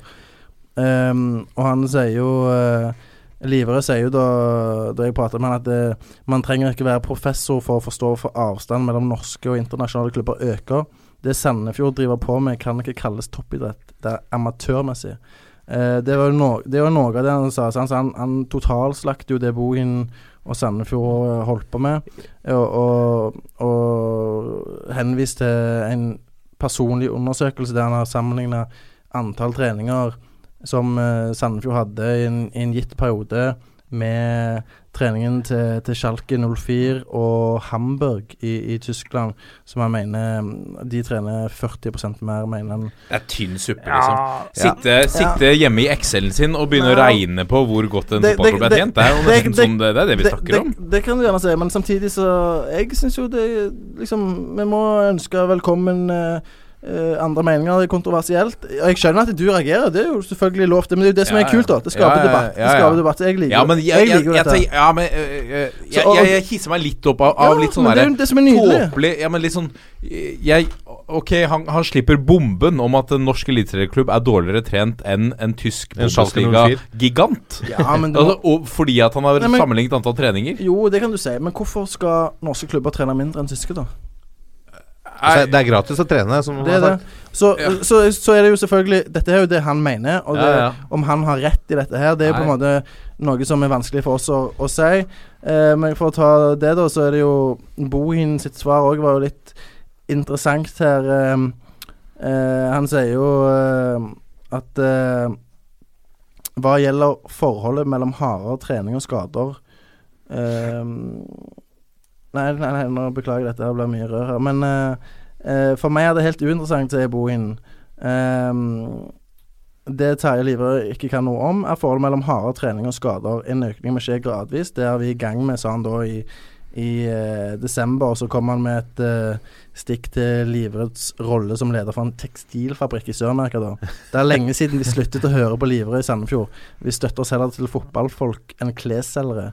Og kunnskap om beste praksis i de beste klubbene i Europa. Den tilgangen har vi. Den er litt surmaga, den Men det er jo litt gøy å Altså Liverød kommer med de påstandene, og så Ja. hører du nå fra Ålesund at de trener hardere enn de noen gang har gjort i Ja. oppkjøringa til en sesong. Ja. Ja. Så det, det kan jo hende at Bohin kan et eller annet om trening i fotball, han òg, da. Selvfølgelig, selvfølgelig. Og, og du kan aldri ta liksom en mening for uh, Hva skal jeg si Jeg er tilhenger av at folk skal få lov til å mene ting. Ja, ja. Sam, samtidig så, så er det aldri en manns mening, er aldri fasit. eh, men det kan bidra til en diskusjon, og, Ja. og norsk fotball har tross alt eh, en vei å gå, da, internasjonalt. Så det må vi jo bare innrømme. Men, ja, så er det også liksom de har jo, I Bohins sted så har jo Magnus Powell kommet inn. Mm. Eh, det som også er litt interessant, er jo dette med formasjon.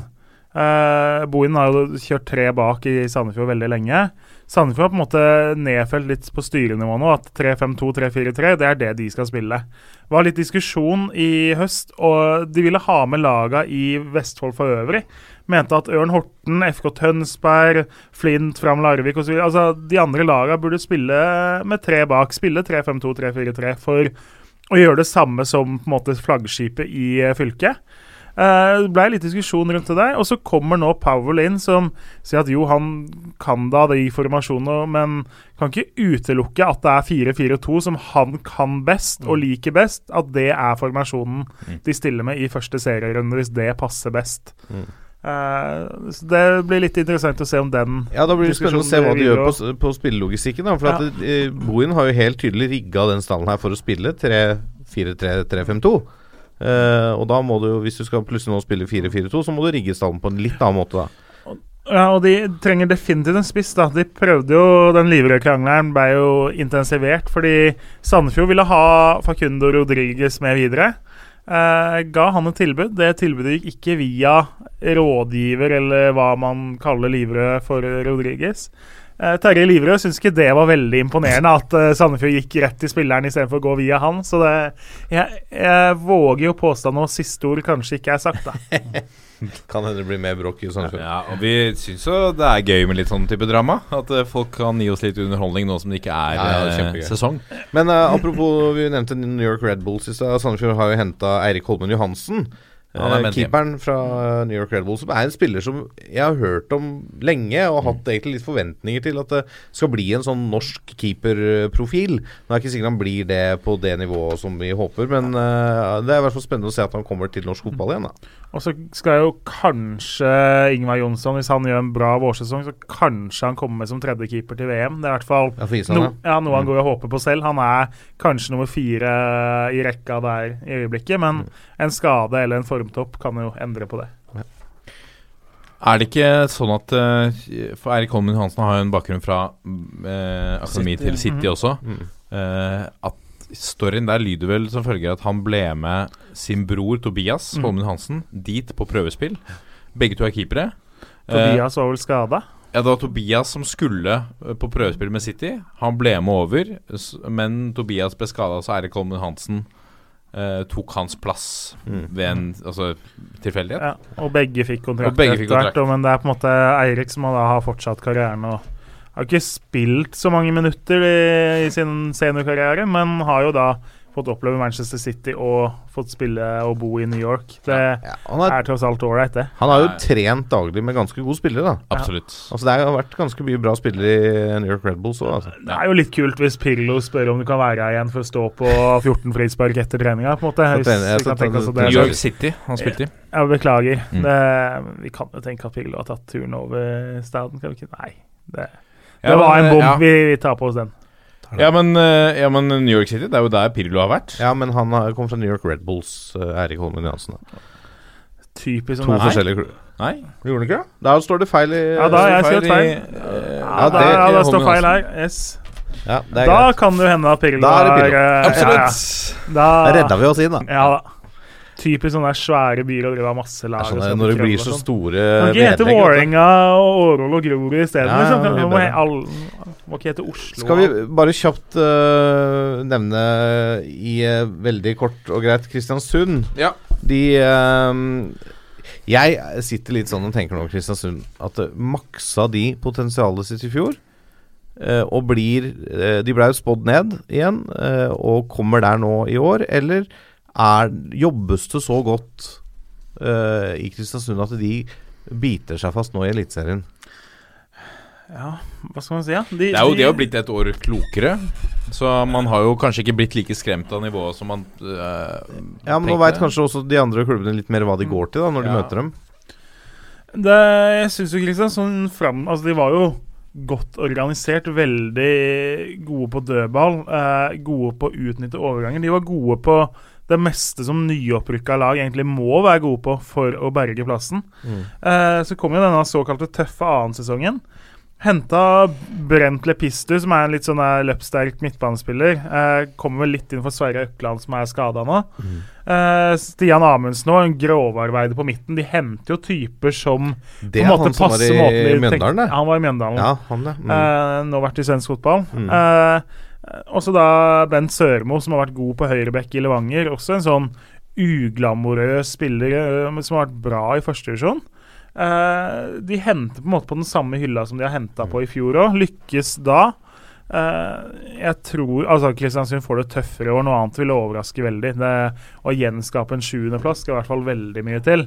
Uh, så er jo det altså de, Det er ikke de store utskiftningene heller. De beholdt størsteparten av de som faktisk spilte mye. Jeg mista Mendy, da. Ja, det har de for så vidt. Men det, likevel så fikk du på en måte inn Gjertsen på sommeren. Ja så da. Eh, angrepsrekka ble jo styrka da.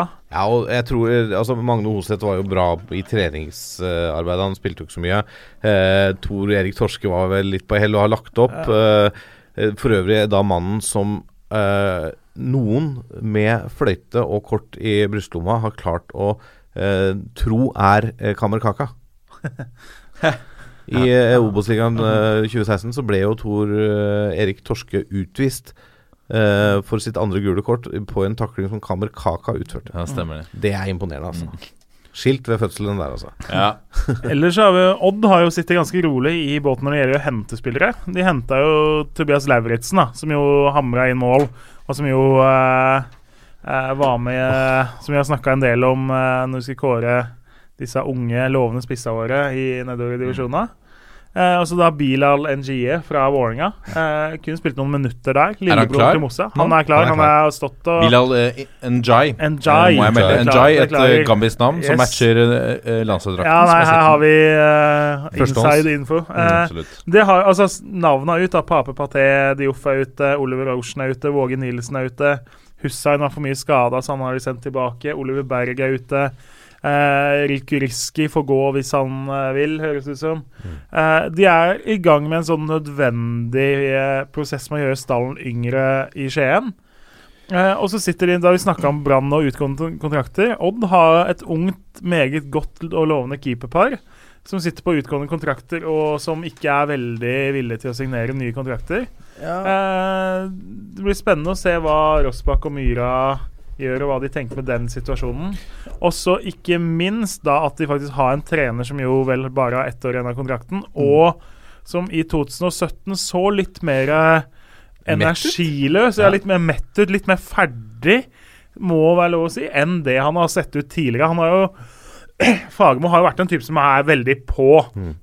Jeg syns ikke han var helt der i 2017. Det blir spennende å se han også. Det smitter over på spillergruppa. Eh, det smitter over på den jobben som skal gjøres uh, for øvrig i klubben. Uh, Odd hadde et ikke et forferdelig 2017, men et særdeles anonymt 2017 hadde de. Eh, og så er det da om Lauritzen er den mannen som kan gå inn og være den målskåreren de så desperat eh, trenger. Eh, De kan ikke legge seg Etter å ha hatt fullført den sesongen som var i fjor, så kan det ikke legge sin lit til Tobias Lauritzen. Nei da, de, Altså, det er det blir veldig interessant å se. Altså, Odd står litt sånn eh, ved en skillevei nesten nå. Altså, for de har mye i den stallen som i løpet av et år eller to må endres på. Eh, og den jobben må de gjøre nå. De har snakka nå om at de har lett etter speider. eh, som jo er et tydelig signal i veien de skal gå. Ja. Eh, det er ikke bare folk fra Tollnes og Porsgrunn på en måte som skal hentes. Så, eh, Odd er nødt til å treffe på de to-tre som de skal hente inn, eh, som blir litt mer profilerte navn. Det spørs jo om de ikke skal hente mer òg uh, enn eh, to-tre spillere. For de, de har mista Fredrik Oldrup Jensen, de har mista Rafik Signini eh, i løpet av eh, Fjoråret. Ja, sant. Så det er ikke bare de som har, har gått nå i vinter. Så det er liksom Der er, er gjerne det stedet der det er flest uh, spørsmålstegn for meg nå i, i Skien. Uh, uh, som, som dere er inne på, ikke bare blant spiller, spillerne, men òg Fagermo. Så uh, Frode Johnsen la opp før forrige sesong igjen. Så det er veldig mye rutine som har forsvunnet der. Og, og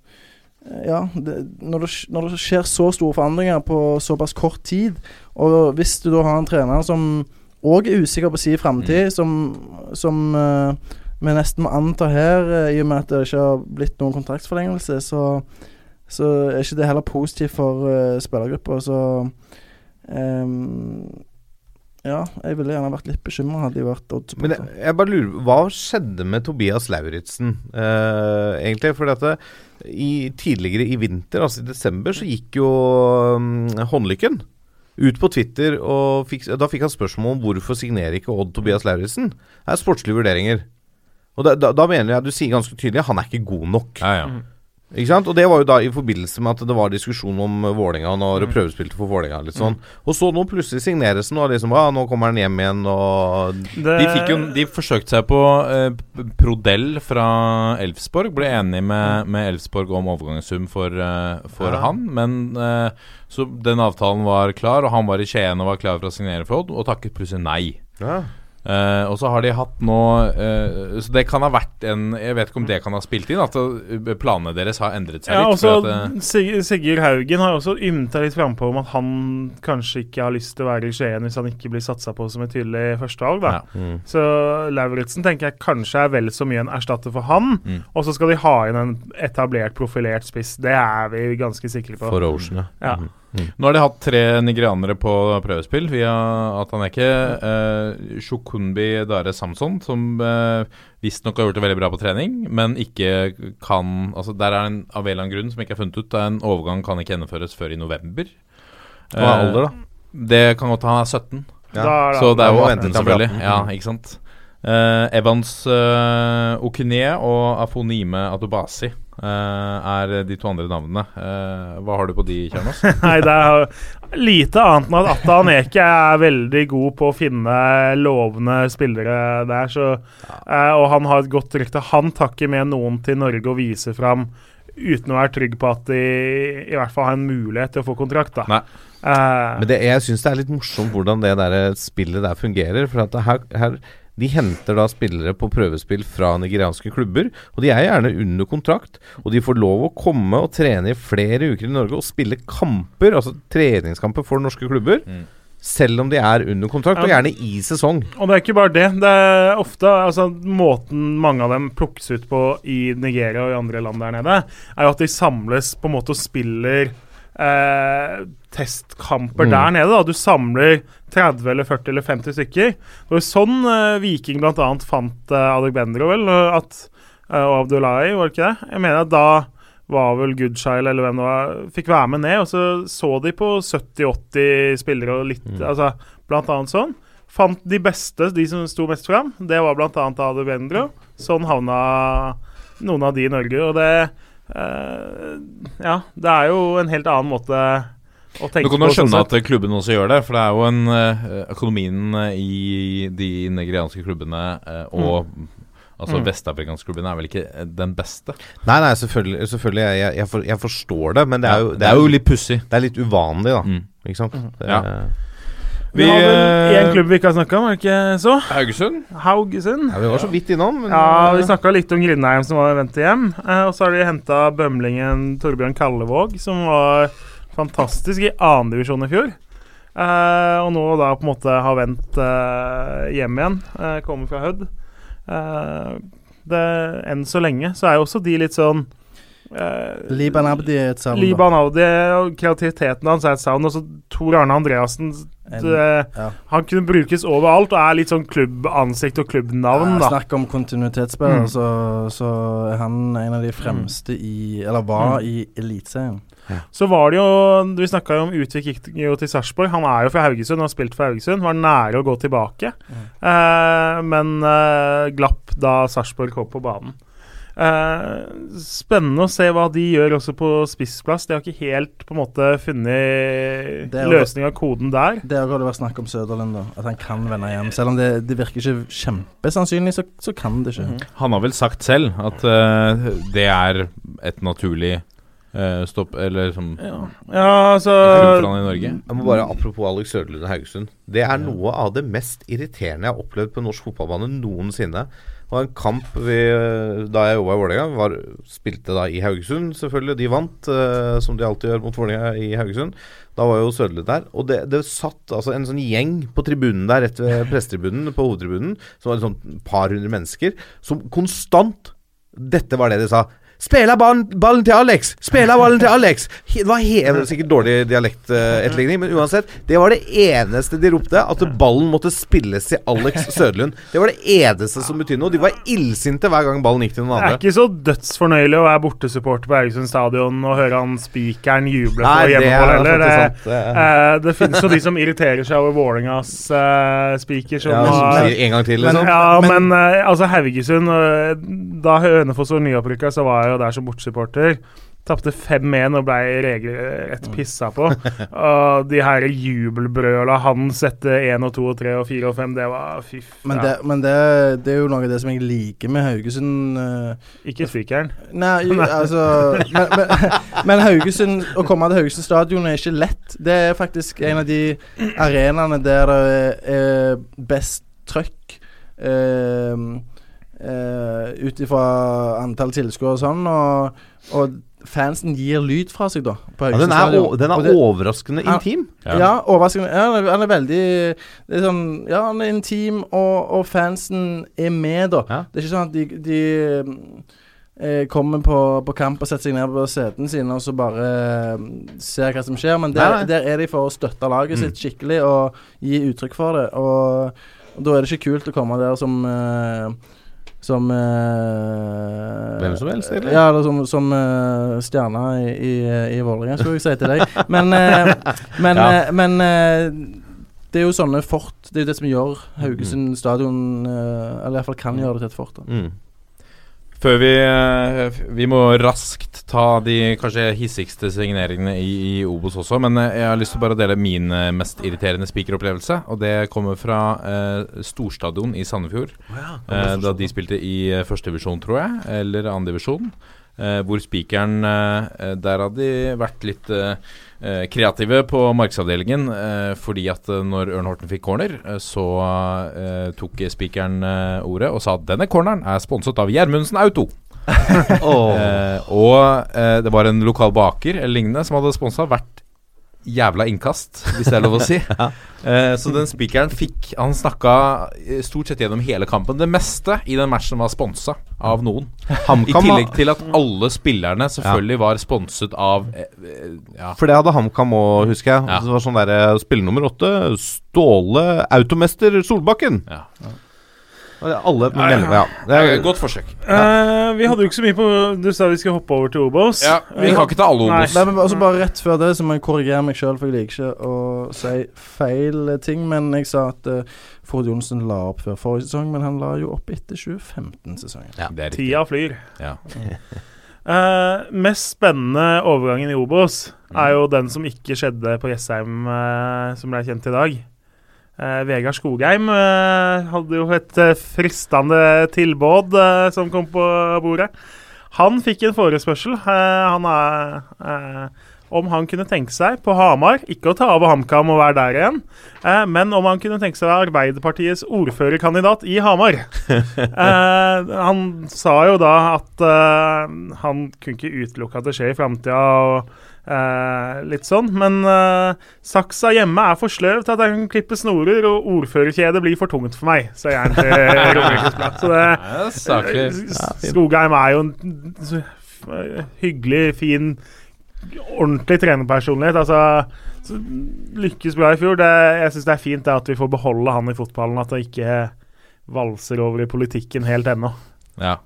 Ehm, nei, absolutt. Uh, har vi noen uh, overganger eller klubber vi bør trekke fram uh, før vi tar kvelden? Vi kan vel ikke snakke det videre og det brede, vi får ta det. Men jeg kjenner jo i hvert fall veldig på at uh, Nest Sotra eh, Det kom jo i dag, så ble det jo kjent at de har fått konkursbegjæring eller varsel eller, eh, fra De har noe uoppgjort med skattemyndighetene, blant annet. Kemneren. Ja, men det hørtes ut som det skulle løse at det er litt sånn trussel. Men Nest Sotra ser veldig ut til å bli mitt lag, altså, i uh, Obos neste år. Uh, nå har jo Jonny Furdal har jo vært på prøvespill i Brann, eh, og så har han dratt på seg en litt sånn muskelskade, så han dro hjem tidligere fra treningsleiren deres. Eh, for Jonny Furdals del så hadde det vært fantastisk å få en sjanse i Brann. For Brann hadde det vært fantastisk å få en sjanse med Jonny Furdal. Eh, likevel så kjenner jeg at eh, han er liksom nest Sotra, da. Han er en sånn der eh, fotballbohem, en sånn gladspiller. Han må få lov til å være seg selv. Ikke sikkert han hadde fått lov til det i Brann. Han passer så fint inn i Nest. Og så har de da henta Morten Bjørlo, som vi har snakka litt om før, Joakim. Eh, som jo kanskje var påtenkt å være erstatteren til Furdal. Nå kan det se ut som vi får de to i se sammen isteden. Mm. Og så har vi jo da Alexander Dang, vår Årets Strøn 2017. Ja, eller Årets Dang. eh, Nei, Ja, nei, greit. nei, nei, han er jo Årets Strøn, Ja. Årets Nei. Dang er jo 2018. Ja da. Mm, Og så har de henta Sondre Liseth fra Fana, eh, som vi også har snakka om, som jo Ja. er tidligere verdensmester i jetski.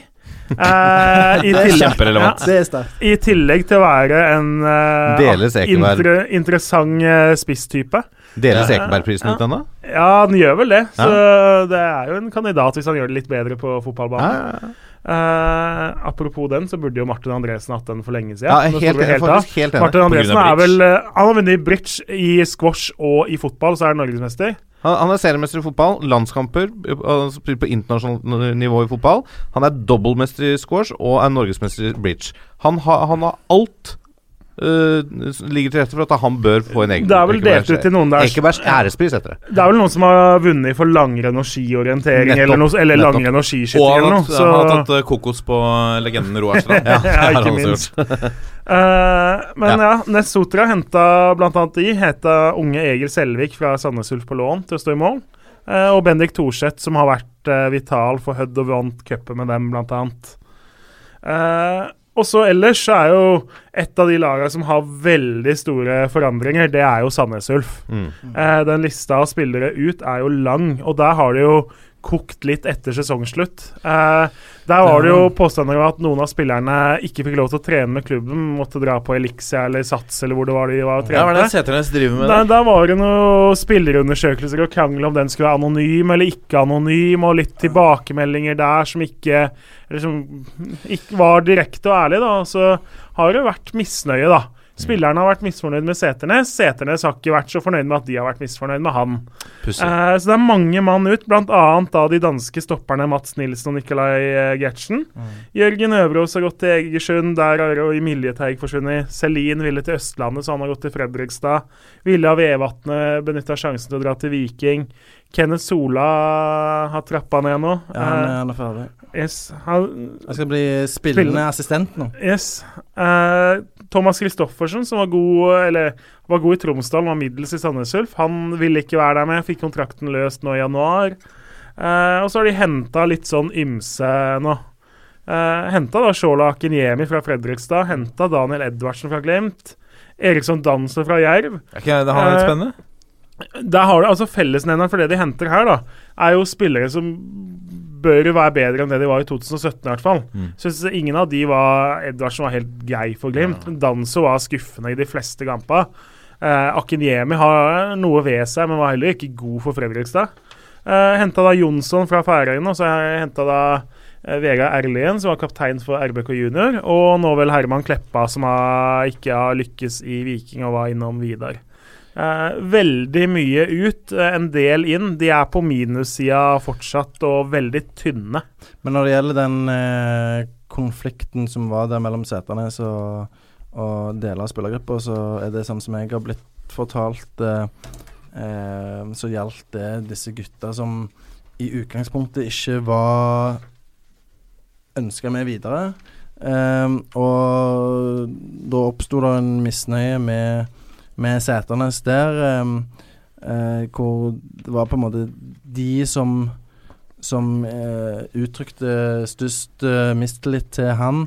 Men det skal nå være rydda opp i. Eh, og Sæternes har også et veldig godt forhold til daglig leder Tom Rune Espedal, noe som gjør at han sitter relativt trygt, selv om det er tre sesonger der nå uten noen resultater å, å juble altfor mye for. Selv om man skal huske på at eh, Sandnes Ulf for ikke altfor lenge siden var et lag som spilte i andredivisjon og, og sleit med å overleve i, i første de gangene de rykte opp. Eh, men samtidig så er forutsetningene annerledes nå, og, og selvfølgelig òg forventningene mye høyere. Men, um, men Sætlanes nå må, må begynne å, å levere. Samtidig så er det uh, veldig stor konkurranse. Når var konkurransen så tøff i Obos-ligaen før, lurer jeg på, med tanke på Ålesund, Viking, Sogndal som kommer ned. Og i tillegg så har du et lag som Mjøndalen, som nå satser hardere enn en noen gang. De har fått en veldig robust økonomi. De har, som vi snakket om tidligere i podkasten, eh, 30 millioner i budsjett. Dobbelt så mye som Ranheim i, i Eliteserien, f.eks. Eh, de er ute etter å, å ruste opp. De har mista Mal Pellegrino, men eh, de har midler til å hente en, eh, en eh, klassespiss, noe som jeg vet eh, Vegard Hansen eh, er på jakt etter. Eh, så Mjøndalen har ambisjoner om å gå rett opp, som et av topp to-lagene. Eh, så, så det blir spennende å se om de lykkes med det. Eh, og, og Sandnes Ulf kommer til å møte utrolig tøff motstand, så Så det regner jeg med de er forberedt på. Og, og derfor er det jo ikke optimalt at de har hatt såpass store utskiftninger som de har hatt nå. Jeg er også litt grann spent på å se Få ta det laget som er fra den byen hvor jeg lå på sykehus for noen uker siden. Kongsvinger. Eh, Ja, for du lå der oppe, ja. Jeg ble sendt hit da, for det var kapasitetsproblem på Ahus. Eh, de har jo henta Jørgen Kolstad fra Lillestrøm, lån gjort permanent. Eh, Det er bra signering. Olav Øby fra. Sarpsborg, som var utlånt til Kristiansund i fjor. Ja. Og Edvard Skagestad fra Fredrikstad, som er en spiller med masse eliteserieerfaring. Ja. Eh, de har jo mista noen spillere òg, men jeg, er litt spent på å se om Kongsvinger klarer å på en måte De fikk en veldig tung start i fjor, og så justerte det seg litt. Grann. Jeg er spent på å se hva Hans, Christian, nei, Hans Erik Eriksen får til der oppe nå i eh, året Og så som kommer. og så henter de da Even Bydal, eh, typisk indreløpertype, løpsmaskin fra Asker. Mm. Eh, Ida Lysgaard, som er en klassekeeper i annen divisjon, som kommer til å stå bra i første. Eh, Nikolai Fremstad, som er en midtbanespiller med litt mer X-faktor fra Raufoss. Eh, både han og Bydal trenger nok litt tid før de på en måte er regelmessig startere. Får nå et år hvor de kommer til å være litt inn og ut, tipper jeg. Og så er de på en måte fra 2019 potensielle nøkkelspillere. Eh, de har jo også mista da blant annet eh, eh, Michael, som gikk til Bromma-parkerne, hvor Pimenta har tatt over. Uh, midtstopper Suslow blir jo erstatta av Skagestad. Og så er de tynne på bekkene etter at Murnane og Jørgen Rikardsen forsvant. Mats Cato Molskred skjønte at nå er mitt Os i krise. Rykka ned til fjerdedivisjon. Uh, jeg må hjem og hjelpe Os uh, for en signering i fjerdedivisjon. Uh, Os er jo et av de laga som uh, kommer til å herje potensielt i fjerdedivisjon. Altså hente Molskred, da, som er en mann for tosifra i førstedivisjon. Mm, mm. Uh, Spiller han 22 eller 26 kamper i fjerdedivisjon, det er vel 22 der, tror jeg. Uh, han bør jo skåre ja, han, han kan være en mann vi ser på toppen av toppskårerlistene eh, i år. Ja, riktig. Vi, eh, vi kan ikke ta hele, hele Obos-ligaen. Ikke nå. Nei, ikke nå. Eh, vi, skal, eh, vi skal holde dere oppdatert på hva som skjer her også når vi nærmer oss uh, sesongstart. Vi må jo på et eller annet tidspunkt komme også med et, eh, en slags analyse på hva klubben har gjort. Ja, så må vi jo tippe litt etter Ja. hvert. Vi må jo se hvem som treffer best på tabellen, må vi ikke det? Eller noe sånt noe? Både av oss og de som Jeg- gidder å høre på. Jeg gleder meg eh, til å se treningskamper nå i, i vinter. Det syns Ja. jeg er helt nydelig. Enten om de sender Eller det er kjekt å se Falamanga òg, eller Marbella på TV, og sånn, men å gå og se dem på nært hold, det, det anbefales, for å si det sånn. Det er helt nydelig. Det er en kopp kaffe og eh, vaffel og litt sånn. Det, oh, det, Pølsevaffel. det er kjekt. Ikke pølsevaffel, nei. Nei. Vaffel med syltetøy. Ja, Ikke sant? Jordbær. Vi må ta med Jo Ingeberget, som er klar for MLS. eh, New York City, som vi nevnte i stad. Eh, det er spennende. Og ikke minst Ola Kamara, som er klar for Jeg- Los Angeles Galaxy. Jeg, eh, jeg hører rykter om Nå er ikke jeg med på den podkasten med Ola Kamara, dessverre, men jeg hører rykter om LA-tur på, på toppfotball. Vi lovet vel Ola Kamara eh, der og da Uh, i et uh, svakt eller sterkt øyeblikk, sånn alt ettersom, at uh, dersom du uh, kommer deg til en klubb som har litt mer eh, heldig eh, flyforbindelse enn eh, En eh, Columbus. en Columbus, så eh, kommer vi en tur, vi. Ja. Eh, og to nei, drøy måned senere så var han klar for Los Angeles, og det er, det er ganske greit å komme seg dit med fly. Det, går, det er veldig greit å komme seg til Los Angeles med fly. Det, Og så har vi en, ja, vi har jo en flyplassekspert her. Ja, ikke sant? Flyplassekspert. Da er det greit å ha fra en OSL til LAX. Yes. Lax.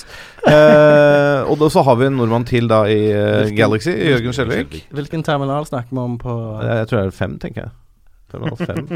Ok. Jeg tror Norwegian lander der. Reiseleder Mangstein har uansett ja. allerede gjort research. Jeg har gjort Jeg med, research. jeg med. Eh, men eh, ja. Det, vi lover intervju med Ola, for det har vi avtale med. Vi, jeg regner vi klarer å få til et intervju med Jørgen Skjelvik. Ja. Eh, så her er det bare å by på flybilletter hvis noen vil sende oss av gårde. Vi reiser. Ja. Men den nye terminalen der som eh, eh, Det er vel Norwegian som, som flyr til Nei, jeg vet da faen. Jeg vet altså eh, Gå inn på Avinors egen podkast, som eh, Ja. kommer snart. i løpet av Kommer den på Kommer Avinor med en podkast, Nei, jeg vet ikke. Det hadde vært Kanskje. stort. Ja. Flyplass Programleder. Lasse Wangstein? Nei, det er jo Må ikke sette griller på sjefen. Da får jeg ikke tid til å sitte her, vet du. Nei, eh, vi skal holde oss unna flytrafikk. Eh, vi, Men vi vil ut og fly. vi eh, vil ut og fly, absolutt. um, så, så vi kan vel nesten love en, en eh, slags reportasje fra, fra LA. ja, Men Eh, pod sånn fra LA? Ja. Ja, pod Pod fra fra LA? Ja, ja. ja, ja. Med Ola er jo Og. Jørgen Skjelvik. Ja, ja. Ja. Ta med det med en match. Magisk. LA mot eh, New York City uh, hadde jo da vært perfekt. Men ja, det ble, ja. La oss ta planleggingen off, uh, off air, da. Uh, og eh, så må vi runde av dette greiene. Eh, det, er, det, er det Jeg husker ikke hvilken dag det er. Er det onsdag, eller er det blitt torsdag nå? Det, vi, Ja, det nærmer seg torsdag. Ja, det jeg det må rekke tog, så vi må snart dra. ja. Uh, send oss gjerne tips eller innspill til hva du ønsker at vi skal snakke om på tofffotballat451.no. Uh, gå inn på Facebook og Twitter og Instagram og, og prat med oss der. Det syns vi er veldig gøy. Eh, og slenge inn en rating også. Uh, og så må vi avslutte som vi pleier å gjøre. 1, 2, 3. Vi er en gjeng! Ha det! Ha det.